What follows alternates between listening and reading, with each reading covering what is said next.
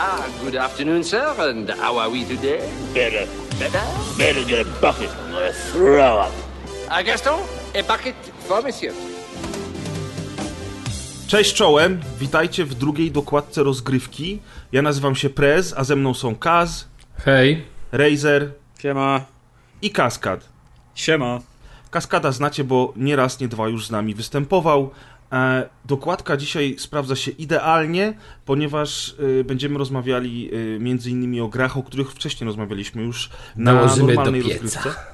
Więc dokładamy te tematy, które już były, plus całą kupę nowych, innych tematów, o których Mm, chcemy sobie dzisiaj porozmawiać.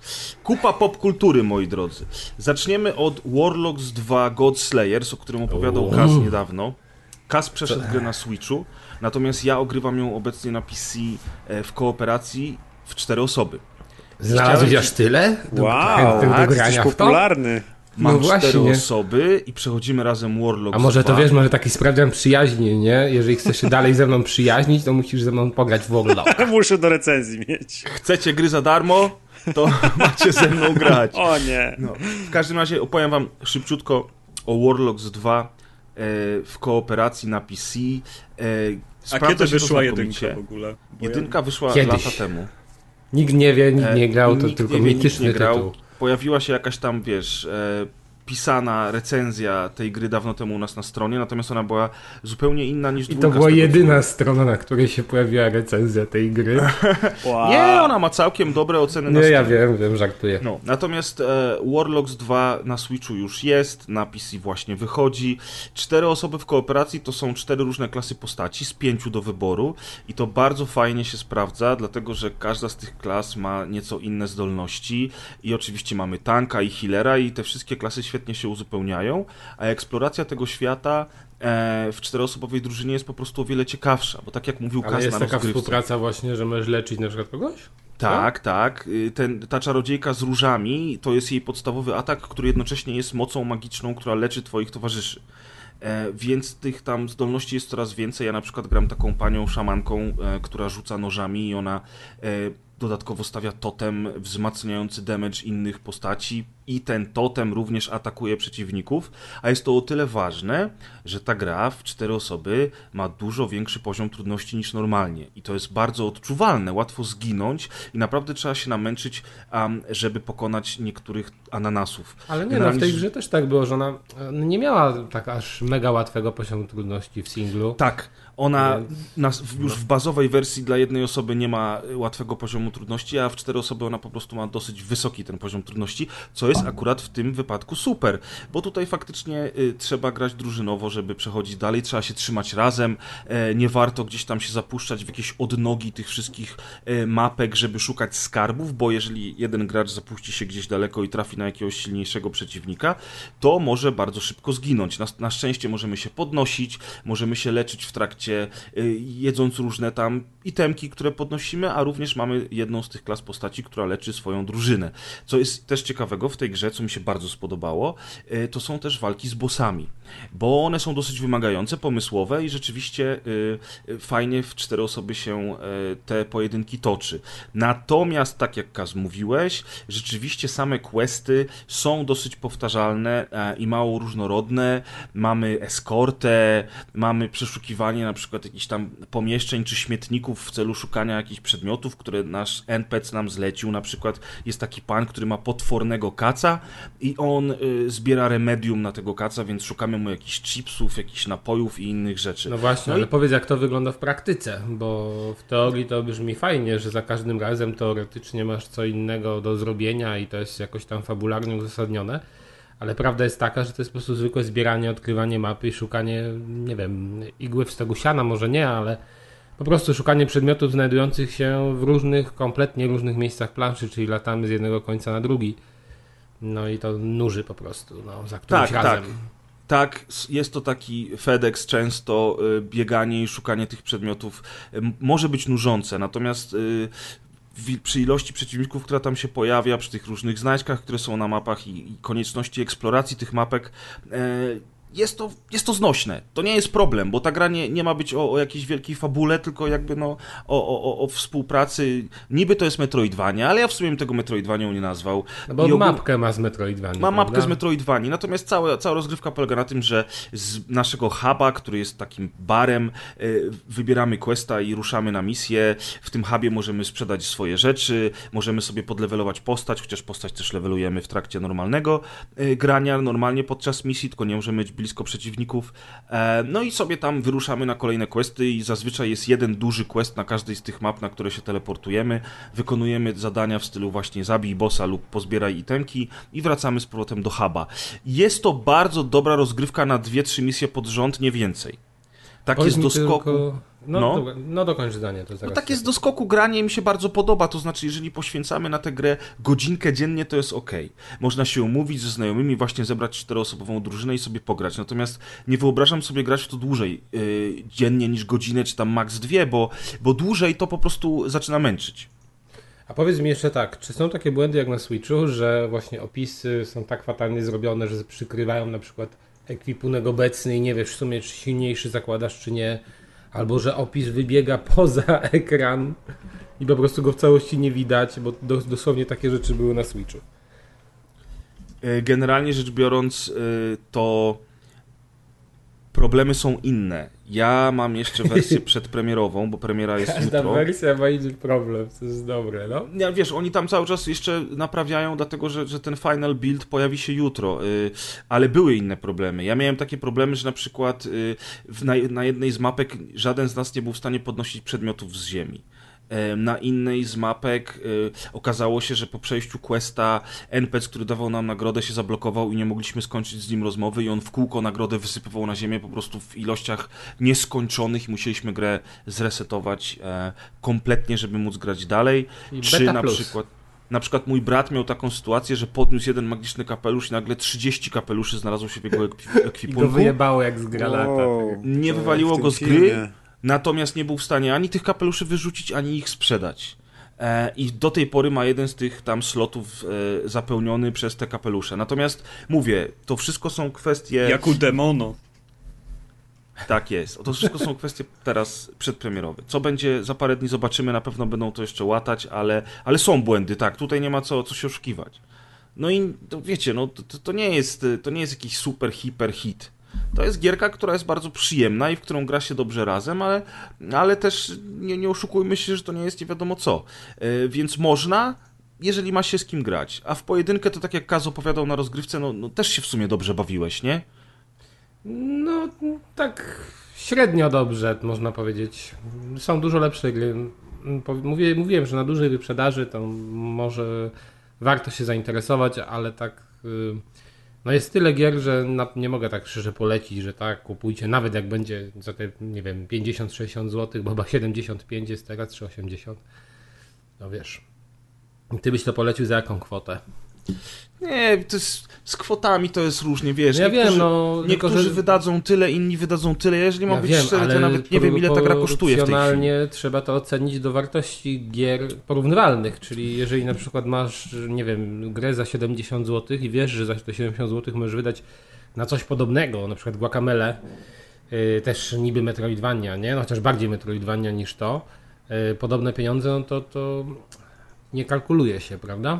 To znaczy, już ustaliliśmy, że Warlocks 2 nie jest typową Metroidvanią. E, Wykorzystuje tylko niektóre Tak, elementy no. z tego gatunku, nie? I teraz tak, e, powiedzmy, że taki porównać, Bloodstained, o którym dzisiaj będziesz nam mówił znowu, e, to e, jest gra dla jednej osoby, a Warlocks to jest gra dla czterech osób. Jeżeli masz Yy, ochotę Bloodstained będzie też dla większej liczby osób, chyba dla dwójki, ale to dopiero przy darmowym DLC, które ma się I ukazać. pewnie nie będzie tylko kiedy. lokalnie, prawda?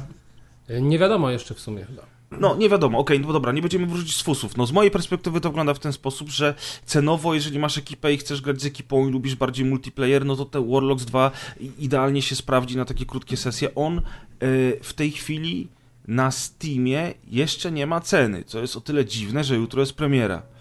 Więc cholera wie, ile on będzie kosztować.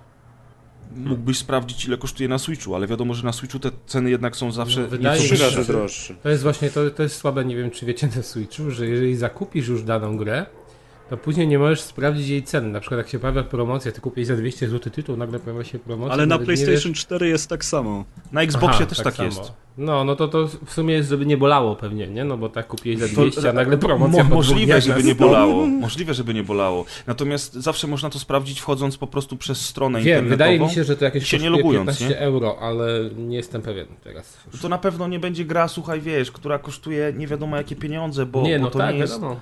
To nie jest takie production value, e, wiesz, to jest jakieś małe polskie studio i, i sobie tam dłubią przy tej giereczce i, i całkiem fajne pomysły mieli, nie wszystko wyszło im idealnie, Tylko ale... właśnie szkoda, że oni dopracowali tych pomysłów y, przed premierą, bo no widać, że te, ta gra ma bolączki swoje. Na Switchu też były momenty takie, że nie dało się dalej grać i trzeba było restartować. Więc no... Tak, nie można było tego tak trzy miesiące później naprawić to wszystko. No nie wiem. Ale dobra, Pres, y, co, to by było na tyle? Tak, to by było na tyle i teraz Kaz opowie nam od Bloodstained, o którym opowiadał już na rozgrywce, ale wtedy byliśmy w trakcie grania. Ja, jak wiecie, się poddałem, bo uznałem, że to nie jest typ zabawy dla mnie. Nie, nie, ja tam dłużej grałem, ale, ale dosyć szybko się poddałem. Natomiast Kaz przeszedł całość i zajęło mu to ile? 25-6 godzin. Ja od siebie mogę tylko dodać, że kupiłem grę i nie chce mi się jej włączyć, więc... Dlaczego? Już to coś wnosi. No nie, nie czuję się przekonany do Metroidvanii teraz jakoś. Nie Aha, wiem, ale- mam jakiś ale- problem z tym gatunkiem.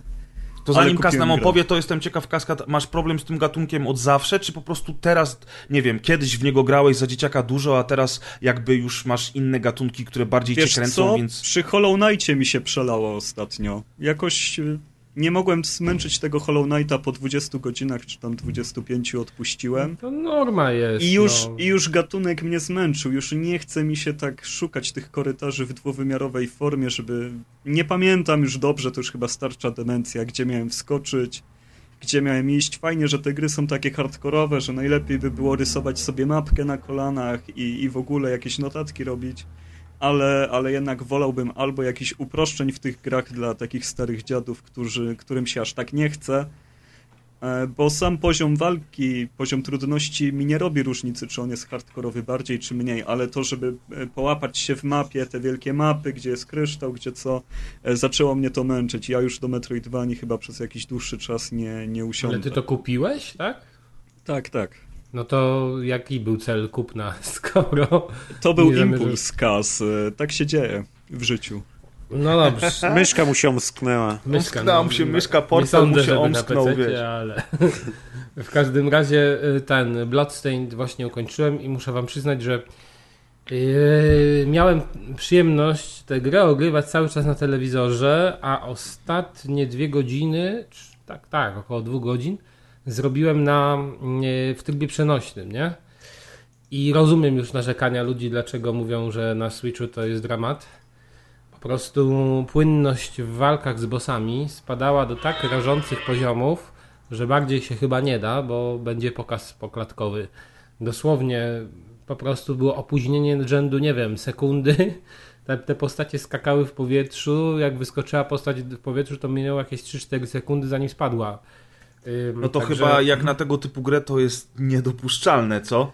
Znaczy, no, ja akurat te walki zakończyłem za pierwszym razem, czyli nie, nie, nie, nie, stworzyło to u mnie takiej sytuacji, żebym po prostu nie dał rady sobie jej przejść, No, ale, jak mówisz, że to jest, jest dramat. opóźnienie i musisz zrobić unik przed atakiem na przykład, to, to może wpłynąć na całą walkę, prawda? Znaczy tak, no bo no po prostu, no, może to wpłynąć na całą walkę, no ale wiadomo, że tam te, po- te postacie, wszystkie tam też y, przeciwnicy się poruszają wolniej i jakoś to leci, ale no to jest naprawdę żenada. Po prostu nie pamiętam teraz podobnej, w ogóle nie pamiętam gry na Switcha, która by aż tak klatkowała w niektórych momentach. Nie wiem, czy ja miałem akurat pecha w, tym, w tej sytuacji, czy co, ale wyglądało to dramatycznie, te dwie ostatnie walki z bossami. Natomiast e, jeżeli chodzi o całość, to nie miałem problemów takich, żeby mi się coś zawiesiło, ale kolejny taki ciekawy problem, ciekawy jestem też jak na przenośnym trybie to wygląda, bo w tym przypadku mówię o telewizorze, to był taki, że na przykład skaczesz i jakby przeskakujesz z jednej lokacji do drugiej, wiadomo jak w Metroidvaniach,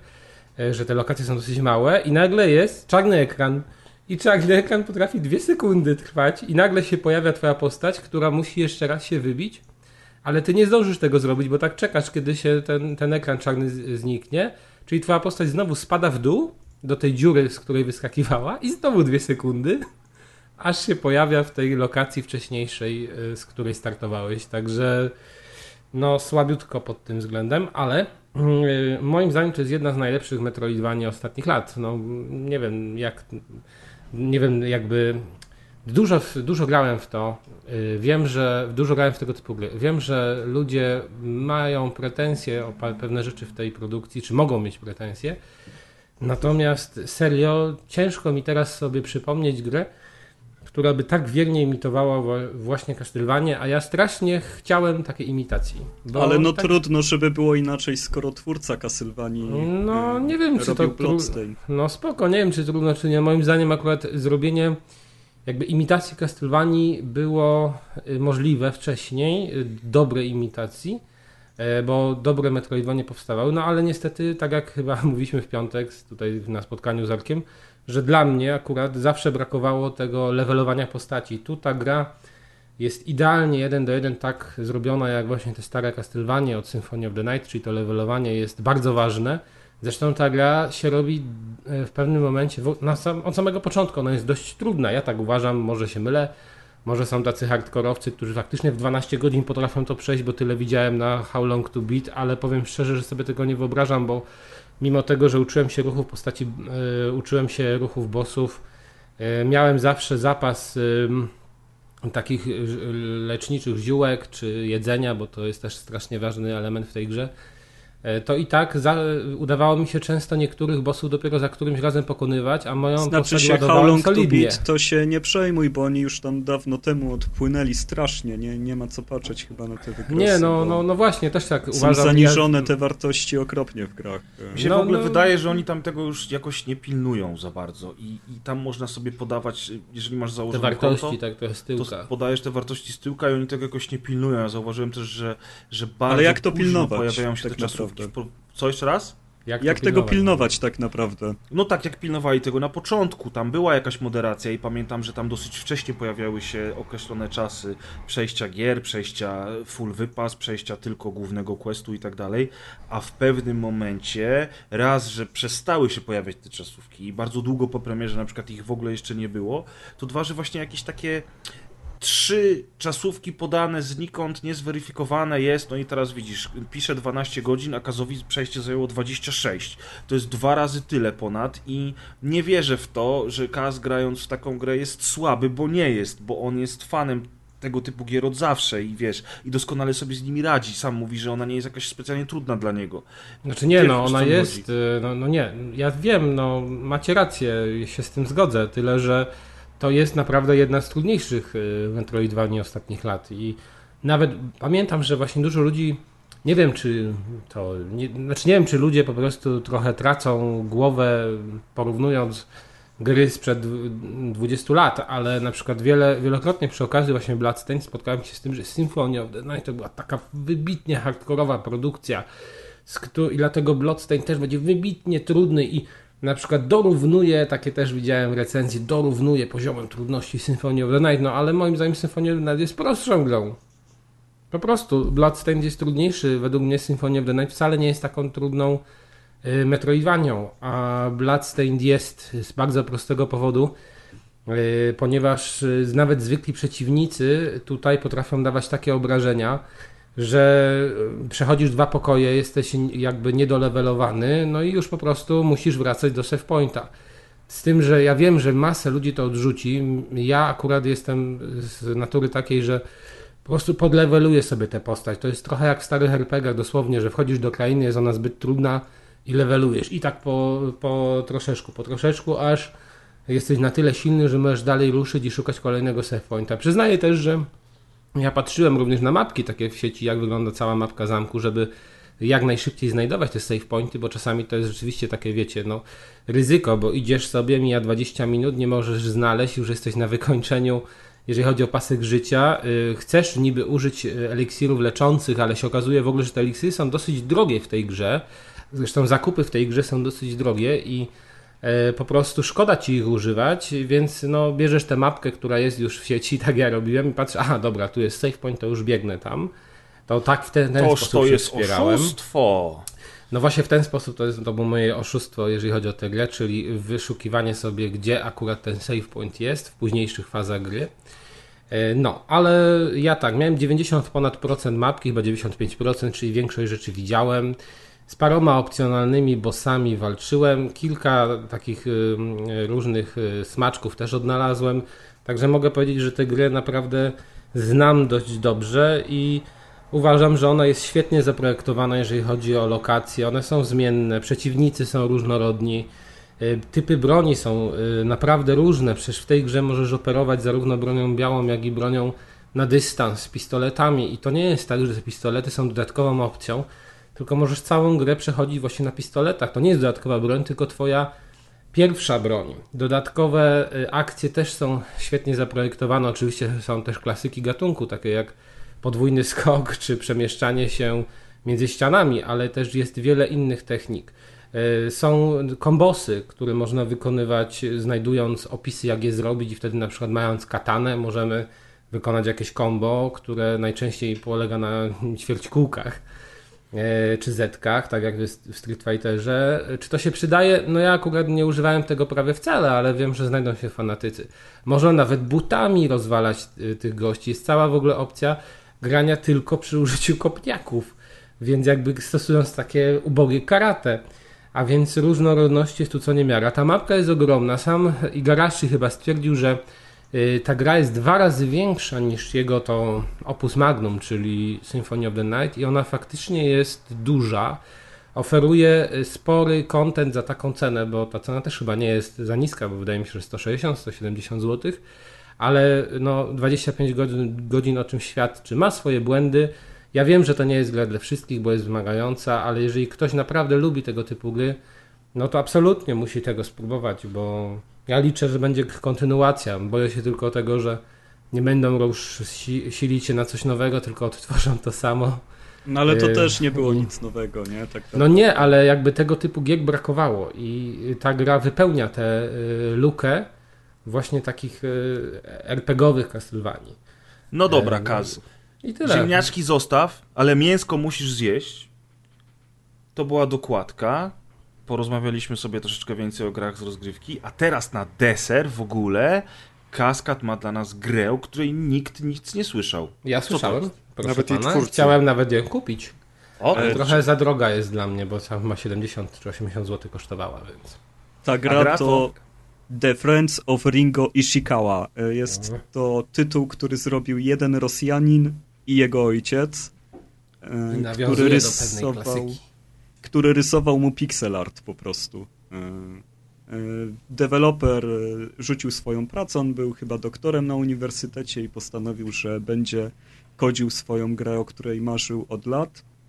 No, no i przez kilka lat mu zajęło stworzenie gry, która przenosi nas do Japonii w bliżej nieokreślonym czasie, czy to będą bardziej lata 90., czy początek 2000 coś pomiędzy tym. Jest to dwuwymiarowa bijatyka chodzona o chłopakach, którzy są w ostatniej szkole liceum, są kumplami, palą razem papierosy w, w łazience, w szkole, e, piją piwo.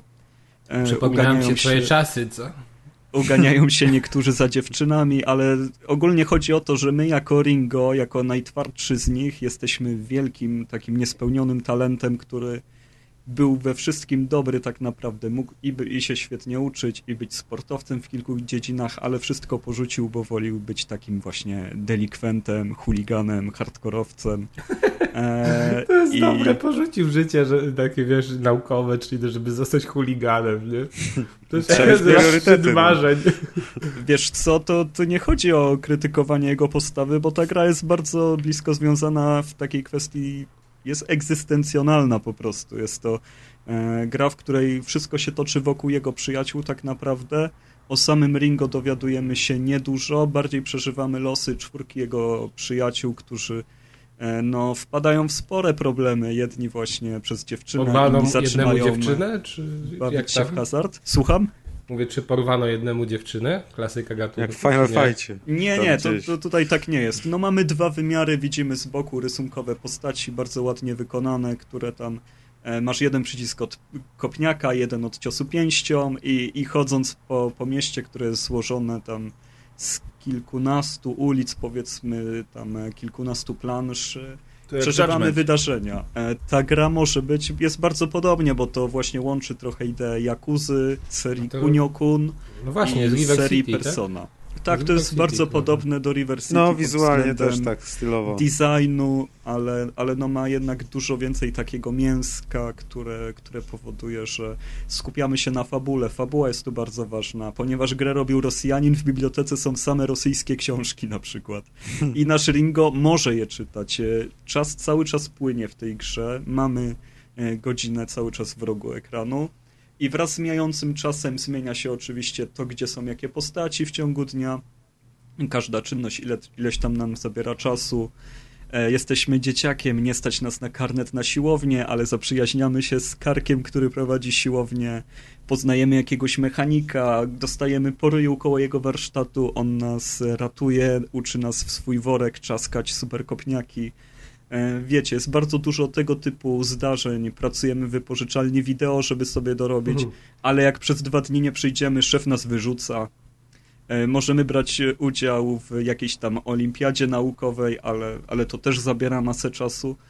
A, a wszędzie dookoła coś się dzieje, z tym, że musimy na to trafić, bo ta gra nie ma ani mapki, ani nie daje nam wskazówek. Od momentu, kiedy e, dostajemy tam małe przemówienie od dyrektora na początku, który nam mówi, żebyśmy się nie wychylali, to nas nie wyrzuci ze szkoły i jakoś dokończymy to liceum chociaż, bo e, za dużo rozrabiamy.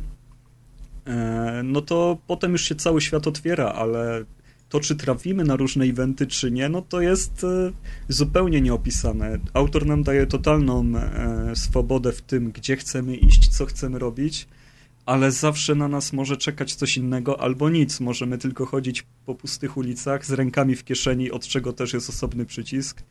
E, zapalić tą fajkę, od czego też jest osobny przycisk. Przykucnąć się na ławce, s- przeczytać książkę albo patrzeć się na wodę i nic z tego nie wynika. I przejdziemy na drugi koniec miasta, też nas nic nie spotka. Czyli to jest taka oni, E, więc- to jest, nie, to jest taki ten, może nie Onimusza, tylko... Shenmue. Shenmue, no właśnie. Shenmue w 2D. E, Na, na pewno inspiracji jest aż za dużo, jeżeli chodzi o tego typu gry, które nas po prostu przenoszą w realia no, bycia jakimś tam Mnie jedna e, rzecz ciekawi, czy można wchodzącym w, wózkiem do, w dorosłość typkiem, nie? Ale e, czy jest- można wózkiem widłowym jeździć? Nie, nie ma, nie ma tego typu minigier, ale możemy uzbierać na stół do ping-ponga i grać z kolegami na dachu szkoły na przykład. E, możemy grać na automatach, możemy grać w karty, możemy pójść do jednego baru, w którym nieletnim też sprzedają alkohol. E, ale, to, ale to też trzeba trafić Dobry na bar. godzinę, trzeba trafić na ten moment, kiedy bar nie jest zajęty. Nie ma żadnych wskazówek. Kiedy szukałem po forach rzeczy, jak uruchomić niektóre eventy, ludzie się wymieniają tym, co odkryli, gdzie odkryli, jak się gra skończyła dla nich. E, Ale akurat na zakończenie to nie ma wpływu, bo tą jakby kumulacją tych różnych przemyśleń innych osób dochodzi do tego, że jest tylko jedno zakończenie tej gry. Co, co też dodaje jej dużego smaczku, bo to zakończenie jest mocno takie e, otwarte, trochę gorzkie, takie na przemyślenie, bo Ringo, który przez cały czas pomagał swoim przyjaciołom, bardziej czy mniej tak naprawdę zostaje trochę e, nie chcę powiedzieć, że wystawiony przez nich, ale, ale tam się dzieje duży zakręt fabularny i, i są to rzeczy, które nie są podane wprost, tylko podane w taki sposób, że po prostu ktoś się gdzieś nie zjawia, e, gdzieś, gdzieś, gdzie mamy się z kimś umówić na walkę. Też to wygląda inaczej niż miało wyglądać. E, Wiecie, no, no jest dużo rzeczy, e, które trzeba sobie trochę dopowiedzieć, domyślić. W tle cały czas e, brzmią e, podkłady jak z jakichś tam kalifornijskich, hip-hopowych, takich bardzo chilloutowych e, utworów, nie? Więc to są rzeczy, przy których można się bardzo zrelaksować i odprężyć. Takie personowe, takie idlowe muzyczki w tle.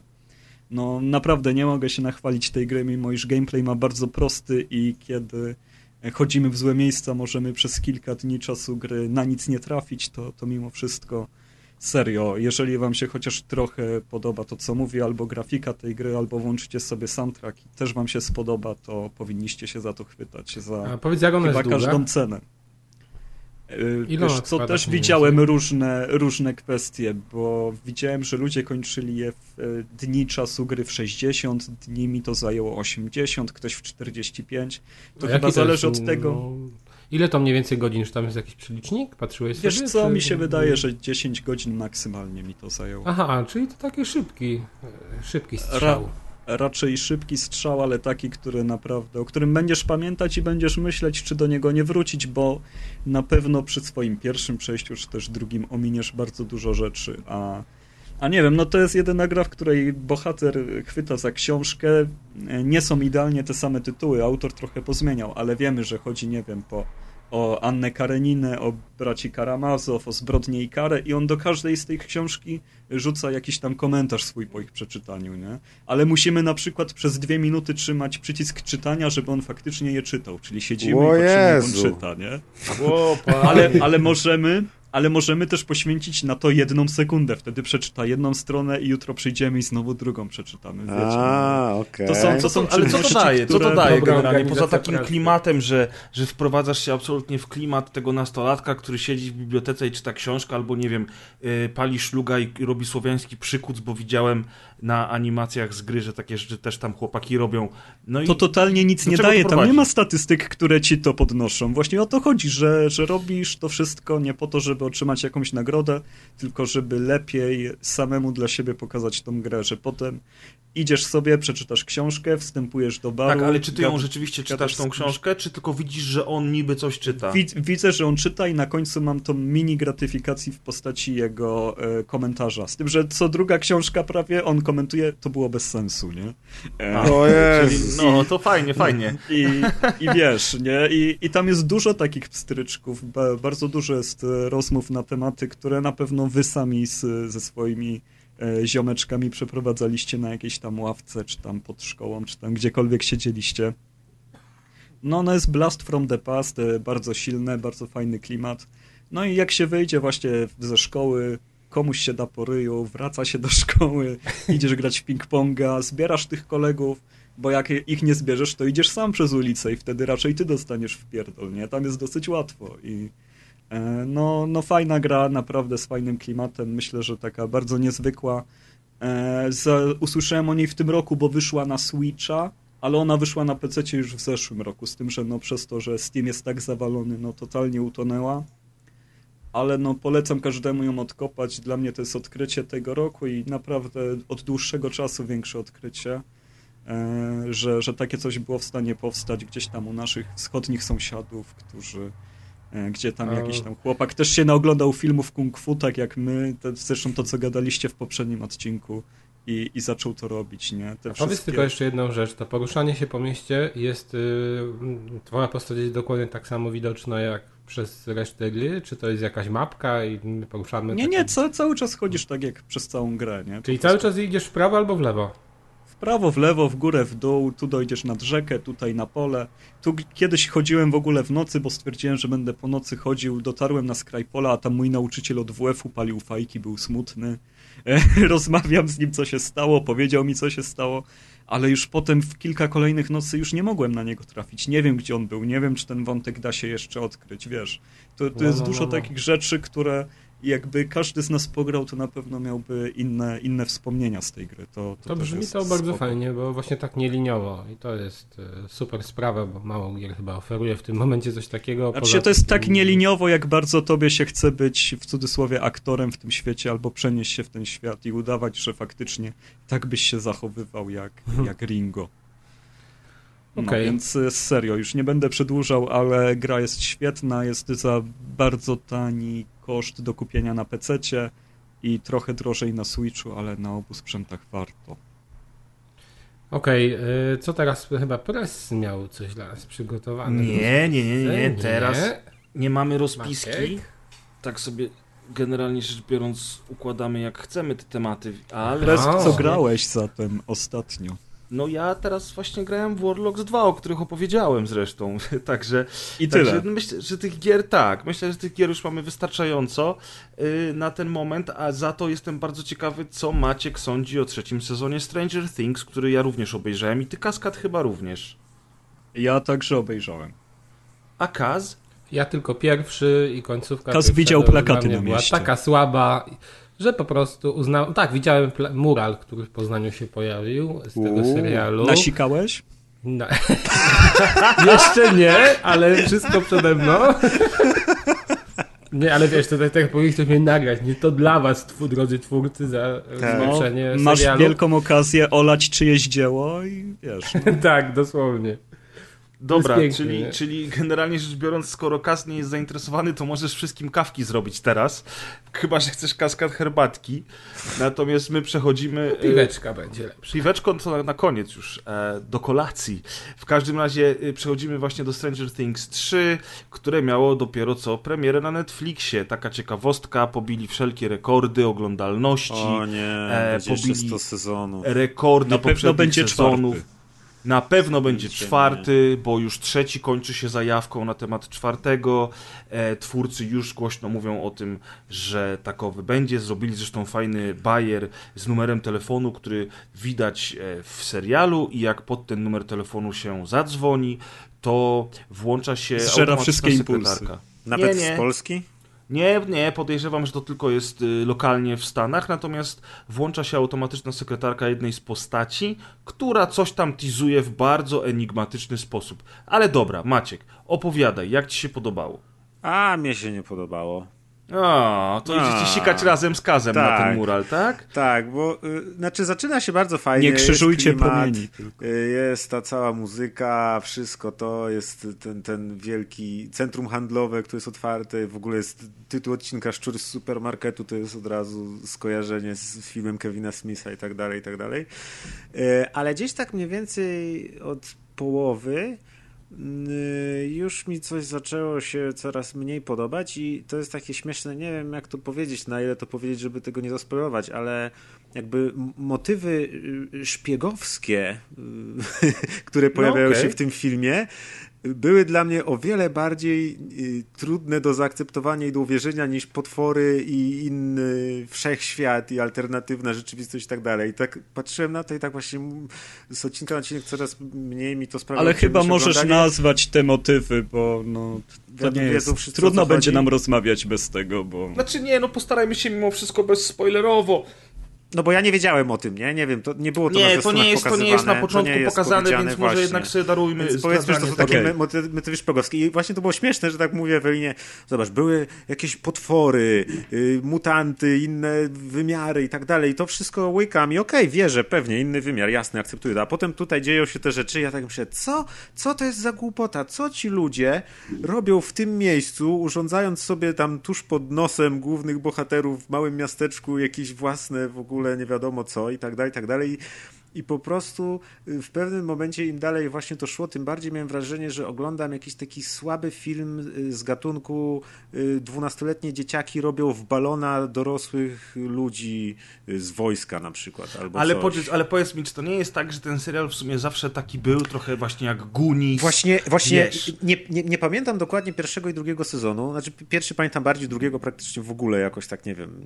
Ale, ale, ale nie narzekałem na niego. Ale kojarzę, że pierwszy był taki bardzo dosyć kameralny. I tak jak Goonies albo nawet E.T., chociaż w E.T. tam już była akcja, kiedy zjechała do tego domu tam naukowcy i tak dalej, ale jednak y, te filmy, tak jak Goonies, też były bardziej kameralne. To były zawsze jakieś takie dziwne rzeczy, działy się małej ilości osób.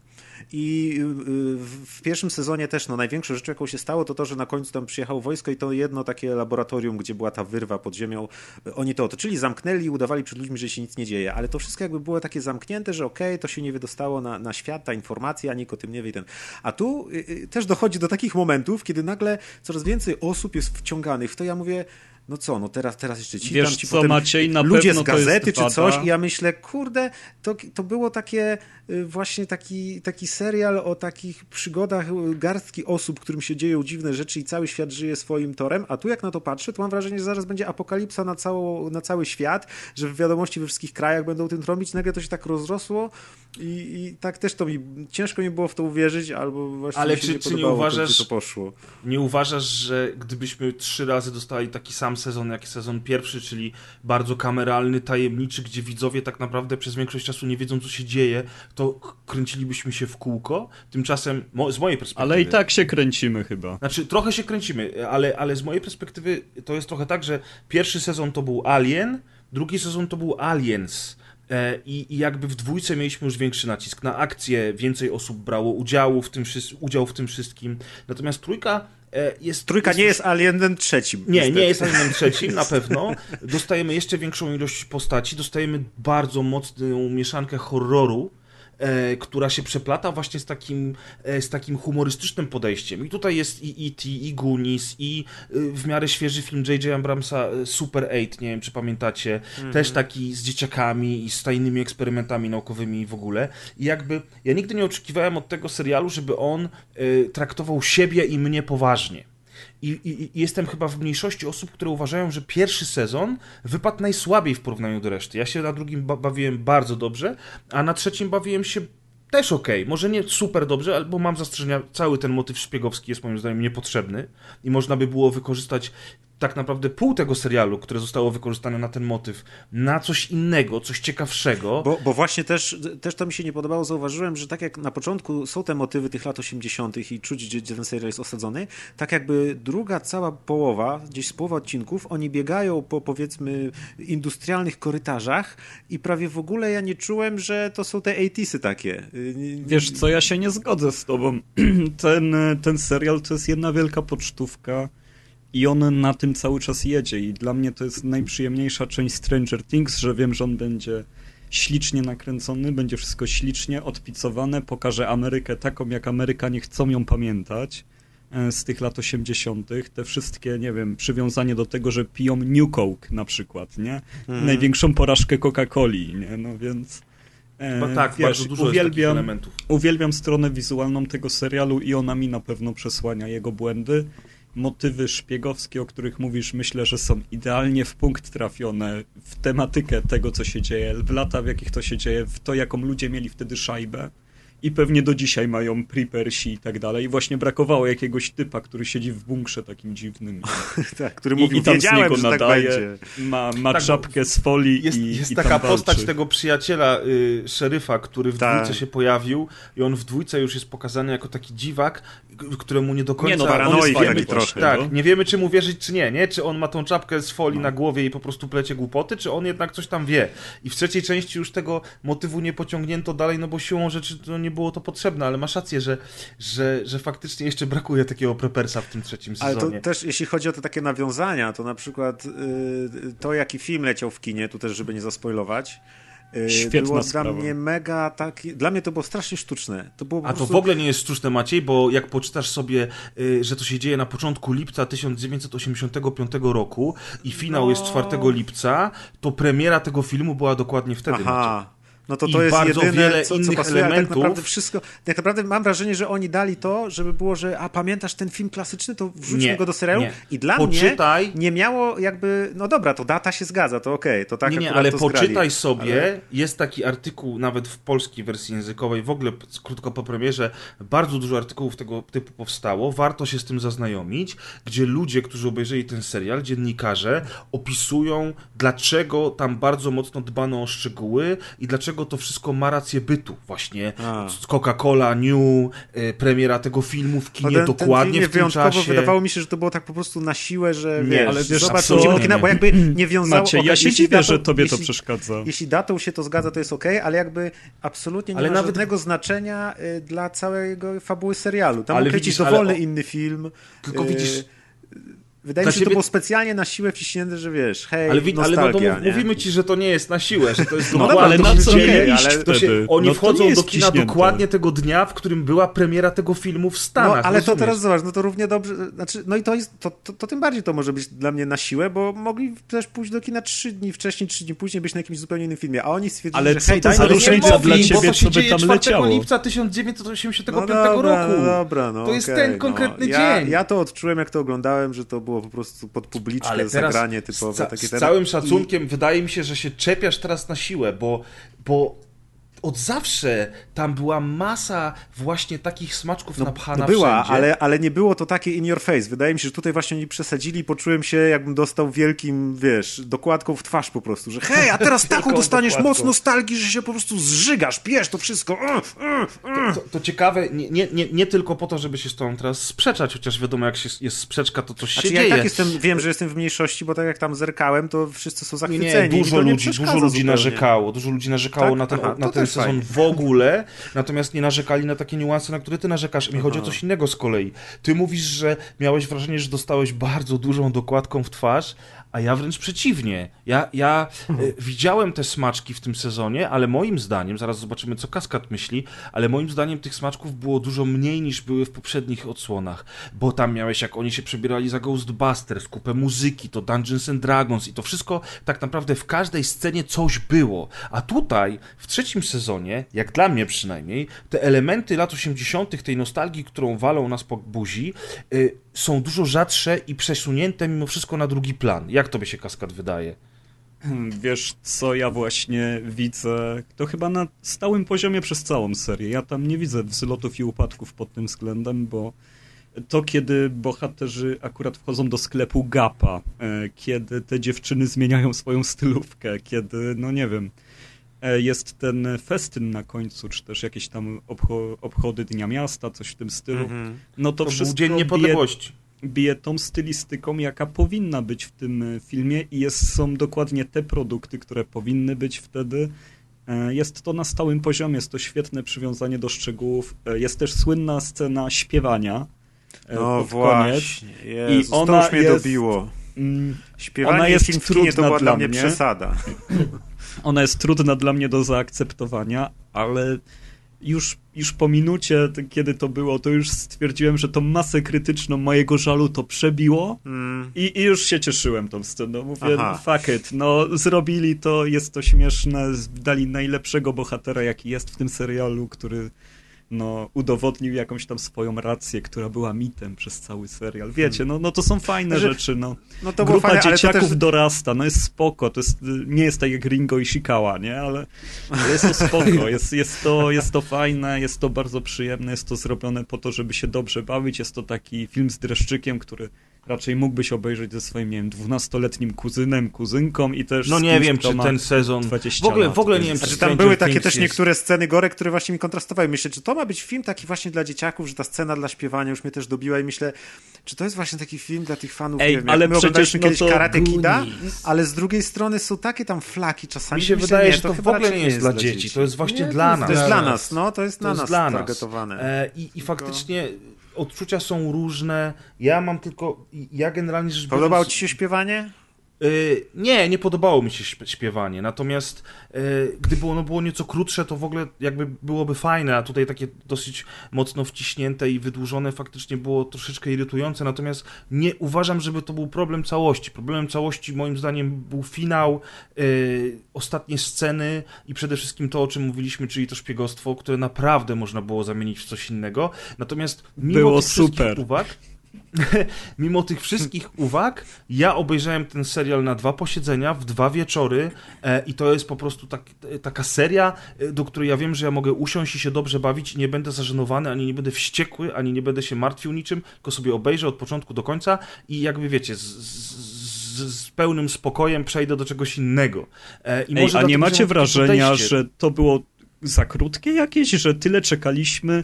Ja to tak szybko obejrzałem, tak szybko Za szybko wciągnąłem, Ale oglądacie. to chyba dobrze, że, to, że tak szybko obejrzałeś. to że, cię że teraz jak wciągnęło. mamy ile czekać na kolejny sezon, no to jest jakby taki malutki wycinek znowu dali, bo to wszystko było takie samo w sumie jak wcześniej.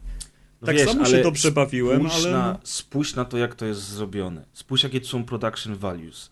E, ten, ten serial ogląda się jak y, najlepsze filmy kinowe Spielberga, jeżeli chodzi o, o, o stronę produkcyjną, o wizualia, wiesz. E, nad takim serialem pracuje się latami i to, że tobie się wydaje, że on jest krótki, to wiesz, oni nie są w stanie szybciej nad tym pracować, na te wszystkie efekty, scenografia, kostiumy, stary, tam się dzieją cuda na ekranie i moim No ja zdaniem wiem, ale mało mi po prostu. Ja no. to No, znaczy, to to też znaczy- podobno nad scenariuszem To znaczy, że kaskadowi mocno, smakowało i chce dokładkę.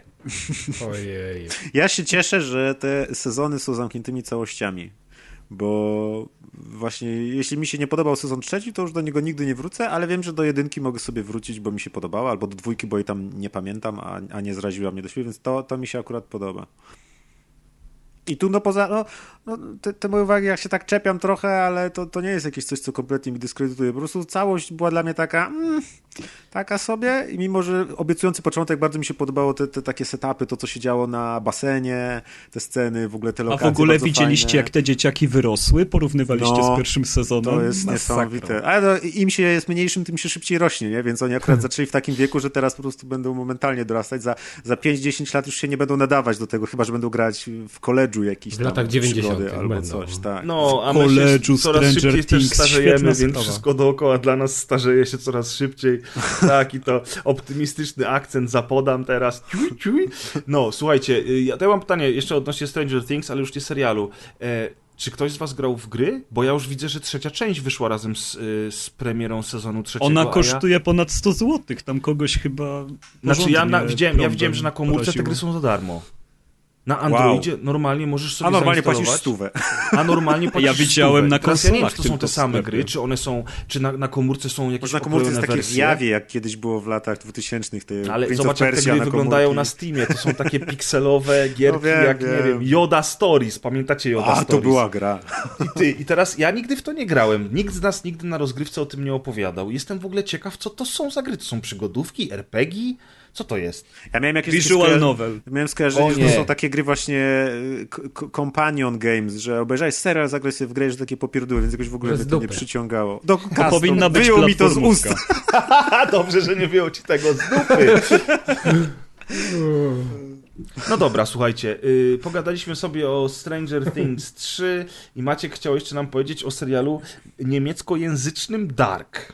Tak jest, bo i nie zgadaliśmy się, ale ja też go widziałem w ostatni weekend, więc no, to jest ciekawe. bo mi się Dark wyświetlał jako sugestie na Facebooku. Facebook mi Darka podrzucał i mi się bardzo podobała okładka i tam to logo i ten myślę, to nie, wiem, nie mam pojęcia co to jest, ale może być fajne. I jak zacząłem to oglądać, to nawet nie wiedziałem, że to jest niemiecki serial. Wiedziałem tylko, że to jest serial i że coś tam jest z podróżą w czasie. I z takim nastawieniem A do potem tego siadłem. fafluchtę i tak dalej. Tak. I... I siadłem tuż po Stranger Things, które mnie właśnie zawiodły po tym całym śpiewaniu i tak dalej. Ja myślę, Jezu, to sobie może tym Darkiem trochę naprawię samopoczucie. No i muszę przyznać, że całkiem nieźle sobie naprawiłem, bo się okazało, o że... Jezus, ale jest... jak ty to mówisz, to ja sobie wyobrażam na Facebooku, że to był jakiś na przykład Darek Kowalski, on go tam cały czas zapraszał, nie? I w końcu mówi Dark, a to sobie odpalę Darka, nie?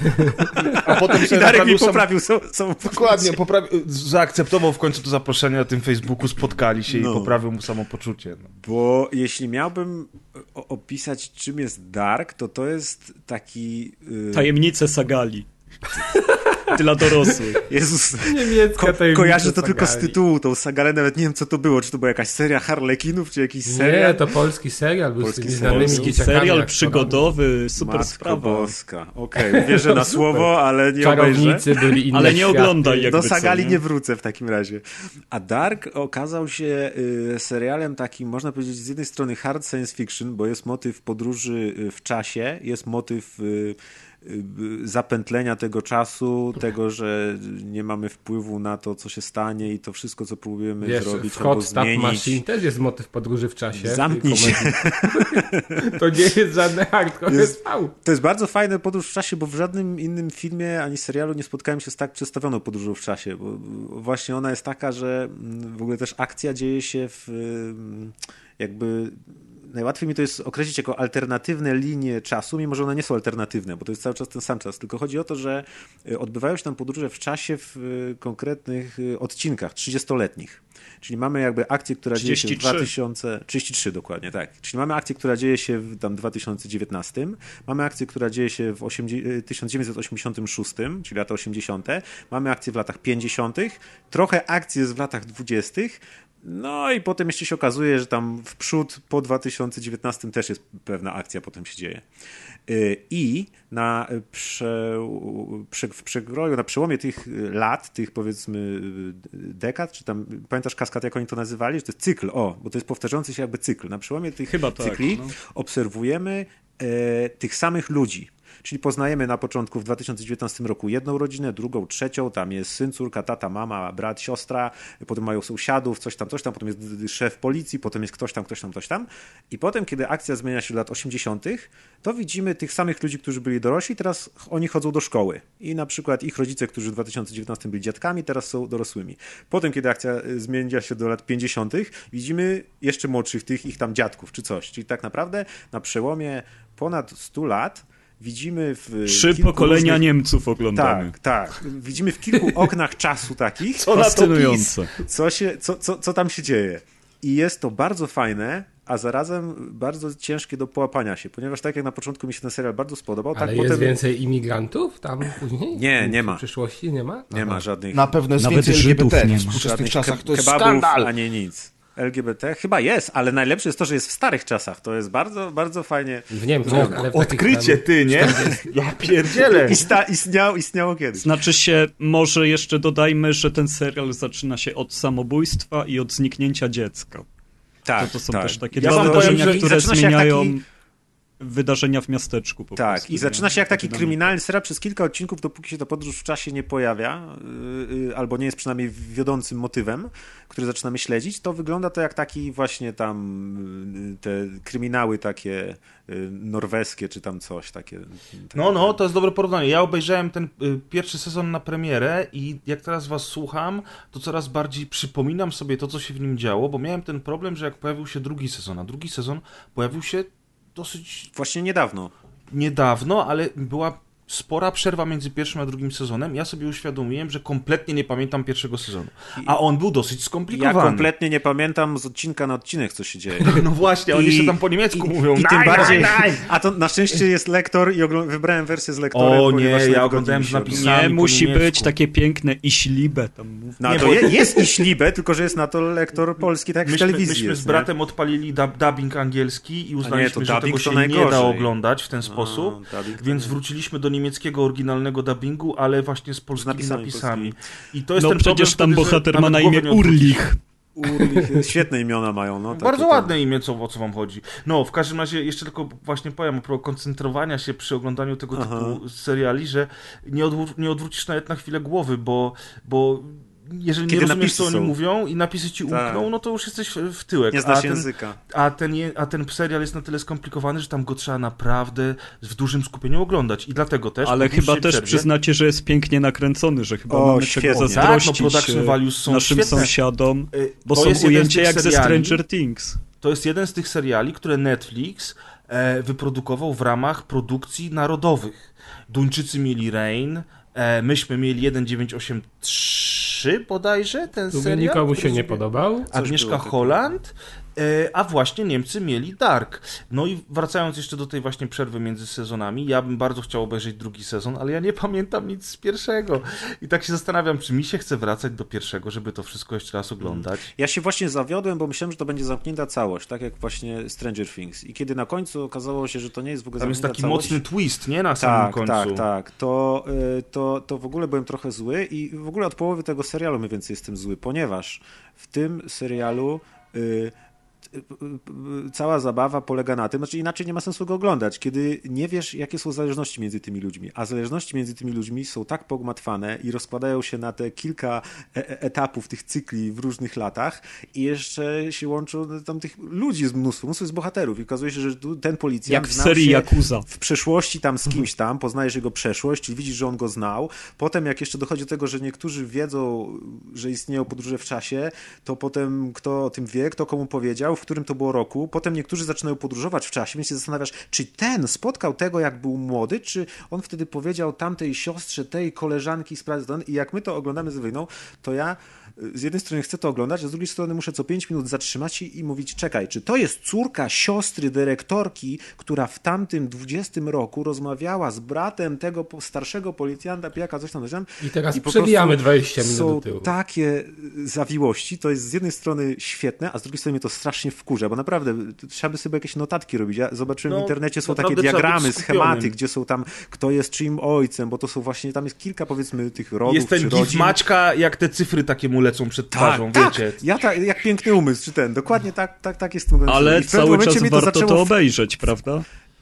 no tak, znaczy to jest... Ja, no, ja nie wiem, Ja mam właśnie uważam, taki że jakiś warto. problem, bo z jednej strony mi się to bardzo podoba, a z drugiej strony zawsze się męczy i po prostu, Jezu, czy to jest ojciec, czy on wie, zna historię tamtego, czy nie wie, kim on teraz jest. Aha, on wie, czyli on się domyśla, dobra, a teraz, czy tamten się coś tam... I no, nie oglądałem wcześniej takiego serialu. Może gdyby mi ktoś powiedział, że tak jest, to mi się zniechęcił wcześniej, już nie oglądał, ale jak zacząłem, to mi się to na tyle spodobało, było na tyle fajne, że no, walczę z tym, ale jest ciężko właśnie, bez jakiegoś notowania, bez zastanawiania się, kto jest kim. A jeśli się człowiek w tym pogubi, to jakby to traci sens, nie? Bo to cała przyjemność jest w tym, że, y, że właśnie masz te takie kilka er, w których to się dzieje, nagle są lata 20, oni są inaczej ubrani, tam się pojawiają niektóre postaci, się okazuje, że ktoś tam się przenosi w czasie, bo tu miał tak samo tyle lat, co wtedy i coś tam, a tutaj ktoś spotyka samego siebie. To też jest właśnie to, że zazwyczaj w filmach, gdzie była podróż w czasie, to były te takie rzeczy typu nie możesz zobaczyć samego siebie, bo będzie tam, załamie się czasoprzestrzeń i świat wybuchnie. A tu oni spokojnie, starsza wersja ciebie wraca do, do ciebie, tłumaczy ci, że jestem z przyszłości, jestem tobą, musisz zrobić to i to, bo inaczej coś tam gdzieś odchodzi, potem ktoś inny przychodzi i mnóstwo Ale jest faktycznie, paradoksów. mnóstwo faktycznie jest rzeczy. dużo, ale dużo jest Dragon jednak Ballu, o dbania. którym dzisiaj będzie mowa. Też jest dużo paradoksów o podróżach w czasie. Jest dużo dbania o szczegóły, jeżeli chodzi o podróże w czasie w tym serialu i widać, że oni tam naprawdę mocno wszystko przemyśleli. I fakt, że to jest skomplikowane i trzeba się nasilić, żeby to wszystko y, wykumać przy pierwszym oglądaniu. Natomiast, natomiast widać, że mimo tego, że oni tam łamią pewne schematy, co zresztą mi się podoba, to jednak oni podchodzą do tego z szacunkiem, w przeciwieństwie do Avengers e, Endgame, w którym po prostu twórcy stwierdzili jebać to i zrobili podróże w czasie. Nie, no to jest właśnie tak hard no. science fiction. No ale widziałeś Endgame, no widziałeś podróże w Nie czasie widziałem w żadnych Endgame, to jest Avengers żart. i, i dla mnie no, O, cały, ta, cała ta seria to jest żart. No dobra, no ale ziom, ale nie oglądałeś nawet. No, no, to, Najlepiej no, najlepiej się mnie pytasz, co ja porównuję. Szanuję. Sam nie Czytałem komiksy, no to jak no, to, to, po prostu żartem jest porównywanie tych dwóch marek w ogóle, no. No nie, to jest- Dragon to jest- Ball jest bardziej, nie wiem, prawidłny. Znaczy, y, y, też z jednej strony bardzo fajne jest to, że to się trzyma kupy, ale z drugiej strony też y, na- nadchodzi taki moment, kiedy zauważasz, że rzeczywiście oni jakby z jednej strony niektórzy chcą zmienić tą pętlę czasu, kiedy to się dzieje, a z drugiej strony widzisz, że ta pętla czasu jednak cały czas jest. Jedni tam o nią dbają, inni chcą ją i tak dalej. I też miałem wrażenie, że w pewnym momencie, kiedy już jakby zrozumiałem, że ta pętla czasu jest niezmienna, że to jest właśnie pętla, to jakby też przestałem się martwić o niektórych bohaterów, bo wiedziałem, że oni przeżyją, albo że im się nic nie stanie, no bo ktoś tam gdzieś na przykład idzie do jakiejś ciemnej jaskini, myślę, o Boże, czy go zabiją, a potem jeszcze nie zabiją go, bo przecież jest później i przeżył, więc wywalone, nie? Czyli tak może- troszkę mniej emocjonalnie do tego podszedłem. A i jeszcze ostatnia rzecz, że właśnie kiedy zobaczyłem już pod koniec, po, przy ostatnich odcinkach pierwszego sezonu, że to się nie zamknie ta historia i i ten twist, który się dzieje pod koniec pierwszego sezonu i to, co się zaczyna dziać przy drugim sezonie, kiedy są wprowadzane, zamiast, to tak jak z Twin Peaks, kurde, zamiast zamknąć te wątki z pierwszego sezonu, to oni wprowadzają kolejne postacie, które mają kolejne powiązania i tego się robi jeszcze więcej. I wtedy miałem normalnie, jak weteran ma flashbacki z Wietnamu, to ja miałem flashbacki z Lostów gdzie w Lostach było tak samo, że pierwsze sezony były świetne, były zagadki, był y, mgła jakaś czarna i niedźwiedź się skądś pojawił i tam był włas i bazy i coś tam i darma i tak dalej. To było super, super, super, a na końcu się okazało, że nic się z niczym nie łączyło, wszystko wywalone, a naprawdę tak na końcu to było dwóch y, powiedzmy, no jakieś takie boskie sprawy nagle i że to są rozgrywki życia i śmierci i kompletnie od czapy i nara. I tutaj też miałem wrażenie, że niektóre Znaczy się postacie na zostały... pewno autorzy za dużo pytań zadają. Za dużo jest otwartych rzeczy, których nie pozamykali i to już No. mnie zaczęło męczyć I- i- pod koniec. Te nie? postacie, które się pokazują y, pod koniec pierwszego sezonu i na początku drugiego, to były dla mnie już totalnie takie właśnie, że o Jezu, zaraz się okaże, że to jest wszystko jakiś tam właśnie, nie wiem, odwieczna walka dobra ze złem toczona na wymiarach przez jakieś tam półbóstwa czy coś. Myślę, o nie, tylko nie to. O Więc nie, właśnie trzeci nie sezon, to. trzeci sezon ma być podobno ostatni, gdzieś tak słyszałem, że to jest zamknięta całość w trzech sezonach, więc no może nie będzie najgorzej, ale póki co y, początek jest świetny, potem byłem trochę wkurzony na to, bo się nie mogłem połapać i z jednej strony mi się bardzo podobało, z drugiej strony nie mogłem wiedzieć, czy to, ten młody to jest ten, czy ten stary to jest ten. Y, A teraz to już tak naprawdę sam nie wiem, co to będzie. I Czyli właśnie tak, utknąłem y- na tym drugim sezonie i jakoś tak go oglądam już nie z taką wielką chęcią jak, jak ten pierwszy. No ale no sam Myśl, nie wiem. myślałem, że podsumujesz, że to jest taki serial, no doktorat, żeby go zrozumieć, ale wychodzi, że się kończy jak Avengers, czyli No nie no, oby, oby nie, ale na doktorat się nadaje, bo jest naprawdę świetnie zamotany i przedstawia właśnie te podróże w czasie w taki sposób, w jaki jeszcze nie widziałem. To nie jest powrót do przyszłości, gdzie wiesz, cofasz się, coś zmieniasz, idziesz do przyszłości, to jest zmieniasz, tylko tu jest tyle tych pętli, tyle osób, tyle zmiennych, tyle fajnych rzeczy, gdzie na przykład, wiesz, ktoś się przenosi w przeszłość, potem ktoś w dzisiejszych czasach widzi jego zdjęcie Kaz, starej, zejdź z toru z tym laptopem. stare Ej, no powrót do przeszłości. Tak jak A, było dobre. w tym, w 12 małpach na przykład, czy coś, więc... To taki efekt, wiesz, to nie bug, to feature. Więc mi się, mi się Dark podoba, chociaż jest ciężki i wymaga Zachęciłeś walki mnie, żeby wrócić strony. do tego serialu, bo faktycznie teraz jak tak sobie pogadaliśmy, to, to przypomniało mi się bardzo dużo dobrych rzeczy, które tam były i faktycznie jest ciężki, ale jest przemyślany, jest zaskakujący. A wizualnie jest też świetnie, świetnie nakręcony. Są takie, No i takie fajne jest to, że artystyczne. przypomina to, co my widzimy za oknem, no bo te domy, te lasy, Tak, no są takie aha. jak w Polsce praktycznie, to jest, No, to jest to samo, co u nas, tylko jak się ma pieniądze. plus te nie? czasy też, to nie, to nie jest tak podkręcone jak Stranger Jest Things, to- bo Stranger to Things jest jest wiadomo cukierkowe, Wschodnie Niemcy. ale, ale bardzo to samo, co u nas, tylko jak się ma pieniądze. To mi się tak podoba. Ale tam jest też bardzo fajny motyw, kiedy pierwszy raz się tam postać cofa do lat 80. i idzie do liceum. I tam od razu jest muzyka z lat 80., jakiś tam znany kawałek na licencji wykupiony, już nie pamiętam jaki. I widać, że te dzieciaki się inaczej ubierają, że ta szkoła tak wygląda kolorystycznie, to jest też inaczej, więc rzeczywiście ogląda się to z przyjemnością. Mimo, że jest taki dosyć, jakby, nie wiem, szarobury, nie? Ten serial, taki kolory jakiegoś ciemnego brązu, Tak, zieleni, i zabrakło trochę rozładowania tamtego napięcia. Nie ma tam wątków humorystycznych praktycznie wcale. No nie ma, tak. A to mimo wszystko przy tak? Takiej- niemiecki serial. Oni tam tylko mają, Oni wiesz, nie mają humoru, wszystko musi być w, porząd- w porządku, wiesz, ale praca, skla, praca optimal. i nauka, mój drogi. Także ty byś tam chciał No rozładowanie ale przy takiej napięcia. długości tego On chciał, żeby serialu nagle zaczęli śpiewać ta, trochę... ta, ta. Niemcy już mieli Humoru parę rozładowań dodać. napięć i nie życzymy im tego. Oni nie umieją w rozładowaniu napięcia, nie wychodzi im to. No, yy, czyli chyba wszystko w tym temacie, co? Już nie ma co tam Chyba tak. krążyć dalej. No, ale tak. Trzeci sezon będzie w. Austrii. Teraz- Zajętej przez Rosjan po wojnie. Teraz w ogóle w naszej rozpisce, której nie ma, yy, chcieliśmy porozmawiać sobie o minimalizmie i A, w o tym. Razer. Tak, bo, bo, bo wczoraj tam po jakimś filmie, aha, Bokech też oglądałem na Netflixie, ale się wynudziłem i. Ale ty masz czasu dużo? Nie wiem, czemu ja tego... Nie, to wyjątkowo, wyjątkowo tak było. E, miałem gdzieś Bokech dodany, chyba mnie zwiastun zachęcił, okazało się, że nic ciekawego, nieważne. E, minimalizm obejrzałem, dokument taki, e, tytuł pełen jest, gdzie ja tu mam kursor myszki. A miały być dwa słowa. Minimalizm, y, a documentary about important things. I to jest bardzo fajny dokument opowiadający o minimalizmie życiowym. Przerwę ci tylko na sekundę. Opowiadali o tym Ku- Kuldan i Adek Tak? na rozgrywce i bardzo się z nimi nie zgadzałem. Ale mów, Aha, a to z nie, tobą też się to nie posprzeczam. Yy, Znaczy, to jest fajny, bo on opowiada się, spodziewałem, że to będzie tylko o takim minimalizmie, w sensie, że wiesz, precz z materializmem, ludzie opanujcie się i w ogóle i żyjcie w chatkach z patyków i z gówna ulepionych. Yy, I po części jest troszkę o czymś takim, ale też yy, porusza tam parę wątków. O Jezus. Teraz przez tego Darka i przez Stranger Things to nie mam notatek i mi wyleciało z głowy tym minimalizmie, ale miał fajne yy, wnioski. Yy, o Jezus. Nie mogę sobie przypomnieć. Opowiedz jakiś dowcip, Maciek. To Przychodzi Kaz do lekarza i mówi, kiedyś było lepiej. Ale każe się, no to z dupy. Ale każdy jest Maciek i mówi, no... Podobała mi się tam jedna y, rzecz, nie pamiętam dokładnego cytatu, ale to był najfajniejszy cytat z tego dokumentu, gdzie ktoś powiedział o modzie. Czym jest moda? Że moda y, polega na tym, że całkowicie sprawne, użyteczne, dobre, niezepsute i, i tak dalej, porządne rzeczy stają się bezużyteczne i zostają wyrzucane tylko dlatego, że przestają być y, akceptowane w społeczeństwie przez jakieś takie spojrzenie właśnie socjalne na to, czy coś. I tam był podany przykład, że, że chociażby są firmy odzieżowe, które kiedy wycofują kolekcję ze sklepów, to nie oddają jej gdzieś biednym, tylko tną ją i niszczą i wyrzucają na śmieci, tylko po to, żeby nie trafiły do second handów, żeby ludzie nie mogli ich kupić taniej i tak dalej. Są przykłady ludzi, którzy y, wyprzedali cały swój prawie majątek, wszystko co posiadają, całą swoją własność mają w dwóch walizkach i podróżują z tym na przykład po świecie. To są najczęściej właśnie ludzie typu pracowałem w korporacji, piłem się po szczeblach, mając 28 lat, mm, stwierdziłem, że co ja robię ze swoim życiem i to jest straszne. Jest facet, który mówi, że kiedy skapował się, że jego praca polega na tym, żeby wciskać pięciolatkom telefony komórkowe, to też stwierdził, że coś jest nie tak chyba z tym światem.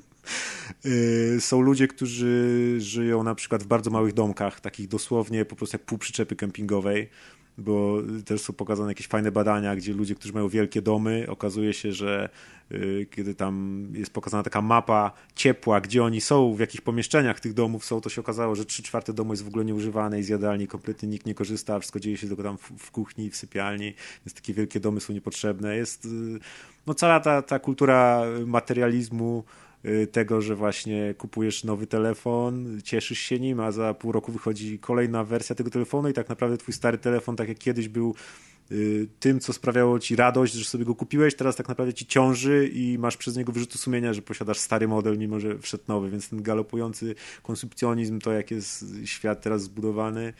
Y, Ale pozwól, że ci przerwę. To, jest...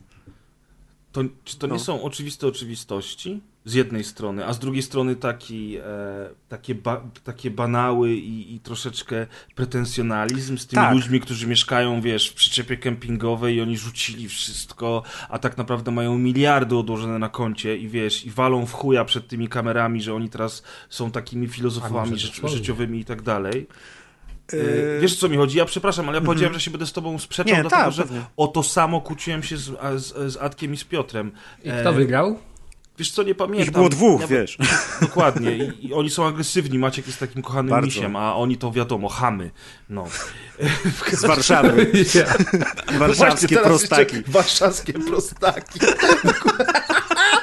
nie, ale jakoś, jakoś ja nawet ten, ten, ten dokument oglądałem, ale on znaczy, to mogło tak... być to tak mogło być takie... męczyło to gadanie tam i takie, wiesz, mm. takie banieluki, które tak, oni bo, bo to może być trochę jak wymądrzanie się właśnie ludzi, którzy dorobili się już do 30 w korpo, a potem stwierdzili, że będą zwiedzać świat i co oni tam wiedzą. Też był cytat y, z y, Jimmy, tego, y, Jima Carreya, który podobno powiedział kiedyś, że chciał, życzyłby wszystkim ludziom, żeby byli milionerami, bo wtedy by zobaczyli, że te pieniądze nie, nie rozwiązują wszystkiego i że nie sprawią, że są szczęśliwi. Bo ogólnie no, o tym jest ten, ten, dokument, kwestia... ten dokument ogólnie jest o tym, że właśnie człowiek z natury jest łowcą i goni rzeczy i szuka y, tych, te, tego lepszego czegoś, co sprawi, że on się lepiej poczuje i że ten konsumpcjonizm wcale tego nie daje, bo daje to tylko na chwilę, potem chcesz więcej, coraz więcej, coraz więcej i on nie jest y, wyjściem tak naprawdę. To, ale możesz już wszystko, nie jesteś szczęśliwy. Bogaci ludzie, był bardzo fajnie tam też taki wykres pokazany, y, nie pamiętam dokładnych cyfr, ale powiedzmy, że w Stanach tam 70-100 tysięcy to jest taka granica rocznego zarobku, kiedy czujesz się, że jesteś bogaty. I było pokazane jakieś tam badania, gdzie ludzie zbliżając się do tej 70-100 tysięcy y, razem z tym wzrostem zarobków rosło im szczęście, ale kiedy przekraczali tą granicę, to z, z, większą ilością pieniędzy, które zarabiali, oni już się nie czuli szczęśliwsi. Czyli też y, był tam facet, który napisał książkę Enough, czyli wystarczy, wystarczająco, y, który mówi, że właśnie trzeba zachować ten balans, czyli oczywiście nie można no, być z tym, że to są problemy uprzywilejowanych, kiedy twoją decyzją jest rezygnacja z Dokładnie. luksusu, to wtedy to jest spoko. A kiedy nie masz tego wyboru i w tej chatce z gówna żyjesz, bo, bo się urodziłeś nie, no to tak, w takim to, to... miejscu na ziemi, no to, no to Znaczy wiesz, tamten to... facet to mówi, że ludzie mają swoje podstawowe potrzeby, nie? I to nie, nie chodzi o to, żeby wszyscy żyli w chatce z gówna. Każdy musi coś jeść, pić, mieć bezpieczeństwo, lekarza i tak dalej, nie? W tak, ale 100 tysięcy dolarów rocznie to już nie jest, to już nie jest, wiesz, byle co założyć no, na, na, na tyłek, nie? To też zależy, gdzie e, jest właśnie ta, ta granica, wiadomo, nie? Chodzi że, o to, że... Wiadomo, że to, jak to się mówi... Perspektywa zależy od tego, gdzie się siedzi, gdzie się stoi, nie? Ja mam mhm. nadzieję, że jak ktoś z was albo ze słuchaczy kiedyś spotka Jima Carreya, to, to niech mu kontrofensywę do jego powiedzenia powie, że oczywiście, że pieniądze szczęścia nie dają, ale lepiej się płacze w Ferrari. No tak, no. chodzi o to, że wiesz, no, żeby, że jakby nie ma, jakby, nie wiem, dziesiąte Ferrari nie sprawi, że będziesz jeszcze bardziej szczęśliwy, A, no nie? to wiadomo, no. Ale pierwsze, no to już... Ale Pierwsze pierwsze na tak. pewno. Znaczy, też jest przykład z samochodami podany, że Amerykanie kupują samo, y, ten, znaczy budują sobie garaże na trzy samochody. Pierwszy samochód cię cieszy, bo, bo jest pierwszym samochodem. Drugi sobie kupujesz, bo już pierwszy ci się znudził, a trzeci to jest tam właśnie jakiś tam wymarzony, żeby tylko jakąś fanaberię. y, Nie, jak już masz ten. tyle pieniędzy, to na przykład trzeci jest na wyjazdy po, poza miasto do rodziców na obiad, bo nie musimy nic pakować, to jest cabrio, wiesz, akurat się zmieścimy w czwórkę bez bagaży i tak dalej. Swoją drogą, a propos tego, o czym teraz rozmawiamy, to y, y, ty się, Kaskad, pytałeś, w co ja ostatnio gram, skłamałem, że tylko Warlocks 2, gram jeszcze teraz w State of Decay y, 2 Heartland. I tam, e, O, mogłem taki nie bardziej- pytać. nie, nie, powiem że naprawdę, To samo naprawdę pomyślałem. bardzo ciekawa, bardzo ciekawie rozwinęli tę grę od, od premiery i to jest w ogóle dodatek fabularny, ale nie będziemy o tym dzisiaj rozmawiali. Chodzi mi o to, że przypomniało mi się do, dokładnie to, co usłyszałem tam w rozmowie dwóch NPC-ów, którzy wspominali, jak to było kiedyś przed apokalipsą zombie. No i właśnie jeden mówi, wiesz, no ja tak standardowo żyłam, skromnie, dom z ogrodem, garaż na dwa samochody. ja te, tak Bieda aż myślę, no, piszczy. Bieda aż piszczy, dokładnie. Więc rozumiem, że może być takie podejście do takich dokumentów, że to jest właśnie yy, takie z jednej strony banały, z drugiej strony, że właśnie o co mi tu będą bogaci opowiadać, że, to, że są nieszczęśliwi, nie? Ale jednak, yy, ja nie wiem, mnie to tak wciągnęło, jest świetnie nakręcony przynajmniej, bardzo fajnie zrealizowany, że się ani przez chwilę nie nudziłem i tak naprawdę on trwa tam, nie wiem, godzinę 15, a miałem wrażenie, że za 3 godziny oglądam, chociaż nie w sensie, że się wynudziłem przez 3 godziny, tylko po prostu tyle, tyle tam jest informacji, tyle tam jest y, tych, tych tam opowieści tych różnych ludzi i y, nie wiem, no jest to, dla mnie to tam specjalnie nic nowego nie jest, bo ja po pierwsze właśnie też Też nie, nie mam Ferrari, y, a po drugie też jestem właśnie negatywnie nastawiony do tego właśnie, y, tak jak mówili, że teraz w modzie, kiedyś w modzie były tam 4 czy 2 sezony, ciepły i zimny, nie? A teraz jest 52 sezony i co tydzień jest zmiana w sklepie asortymentu i powinieneś co tydzień chodzić kupować nowe rzeczy. Kiedyś czapki były modne, później nie, a ty dalej chodziłeś w czapce, Maciek. Dokładnie. I brody kiedyś były niemodne, ja miałem brodę, teraz są modne, dalej mam brodę, przestaną być modne, dalej będę mieć brodę pewnie, więc właśnie. Chyba, że wypadną włoski, to wtedy nie. Jezus. Tak, chyba, że wypadną włoski. I jak to się nazywało jeszcze raz? Eee, Minimalizm. Minimalizm, e, a documentary about the important things. No, to jak kogoś zainteresowaliśmy, to zapraszamy na Netflixa. A ja wam opowiem o, o komiksie, który mam nadzieję was wszystkich zainteresuje. E, to jest zbiorcza seria komiksów Alien, Predator, Prometeusz i Alien vs Predator, bo są cztery różne serie, które wychodzą e, i, i opowiadają różne różniste historie. Natomiast ktoś wpadł na pomysł, żeby stworzyć miniserię składającą się z czterech zeszytów. E, Każdy zeszyt z innego wydawnictwa, więc Alien, potem Predator, potem Prometeusz, potem AVP. I one wszystkie opowiadają zamkniętą historię, gdzie scenarzyści współpracują z różnymi artystami, którzy robią rysunki, więc każdy z tych komiksów jest w innym stylu. I całość nazywa się Fire and Stone. E, komiksów o Alienie i o Predatorze powstało dużo, więc e, wydało, wydawać by się mogło, że to nie jest nic ciekawego, natomiast wręcz przeciwnie, Fire and Stone jest taką próbą zamknięcia wszystkich serii komikso- filmowych, przepraszam, w, w jedną całość i e, fabuła całej historii e, przy, w ogóle rozciąga się na jakieś 40 lat i wypo- no, albo i więcej nawet i opowiada wydarzenia od Prometeusza aż do Aliens, czyli do Obcy 2 po polsku. E, I w bardzo sprytny sposób, przemyślany i nie taki łopatologiczny, przeplata te wątki ze sobą, nie opowiada tych historii, które widzimy w filmach, ale opowiada historie jakby obserwowane z boku, chociażby, e, chociażby opowiada historię kolonistów na Hadley's Hope z filmu Aliens. E, No dobrze, którzy- ale którzy- od razu takie pytanie do ciebie, bo wcześniej mówiłeś, że mm, chyba też miałeś problemy z tym, żeby przypomnieć sobie pierwszy sezon Dark.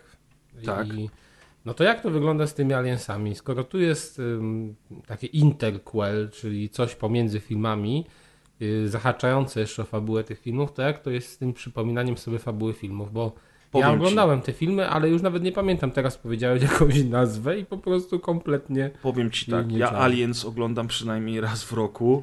E, znam na pamięć fabułę. E, Prometeusza pamiętam bardzo dobrze, bo jak Czyli obejrzałem jakby go ci dali kinie... gnata, przybyliby obcy, to byś go tam załatwił. Nie, to mi się strzelił w głowę. O, dobra odpowiedź. Nie obcy, no. To tak samo, wiesz, apokalipsa zombie, gdzie siebie widzisz, nie? I tam pokazują, że w forcie, że bronisz się na moście, a tak naprawdę taka strzałka, jesteś jednym z tych zombiaków w tym tłumie.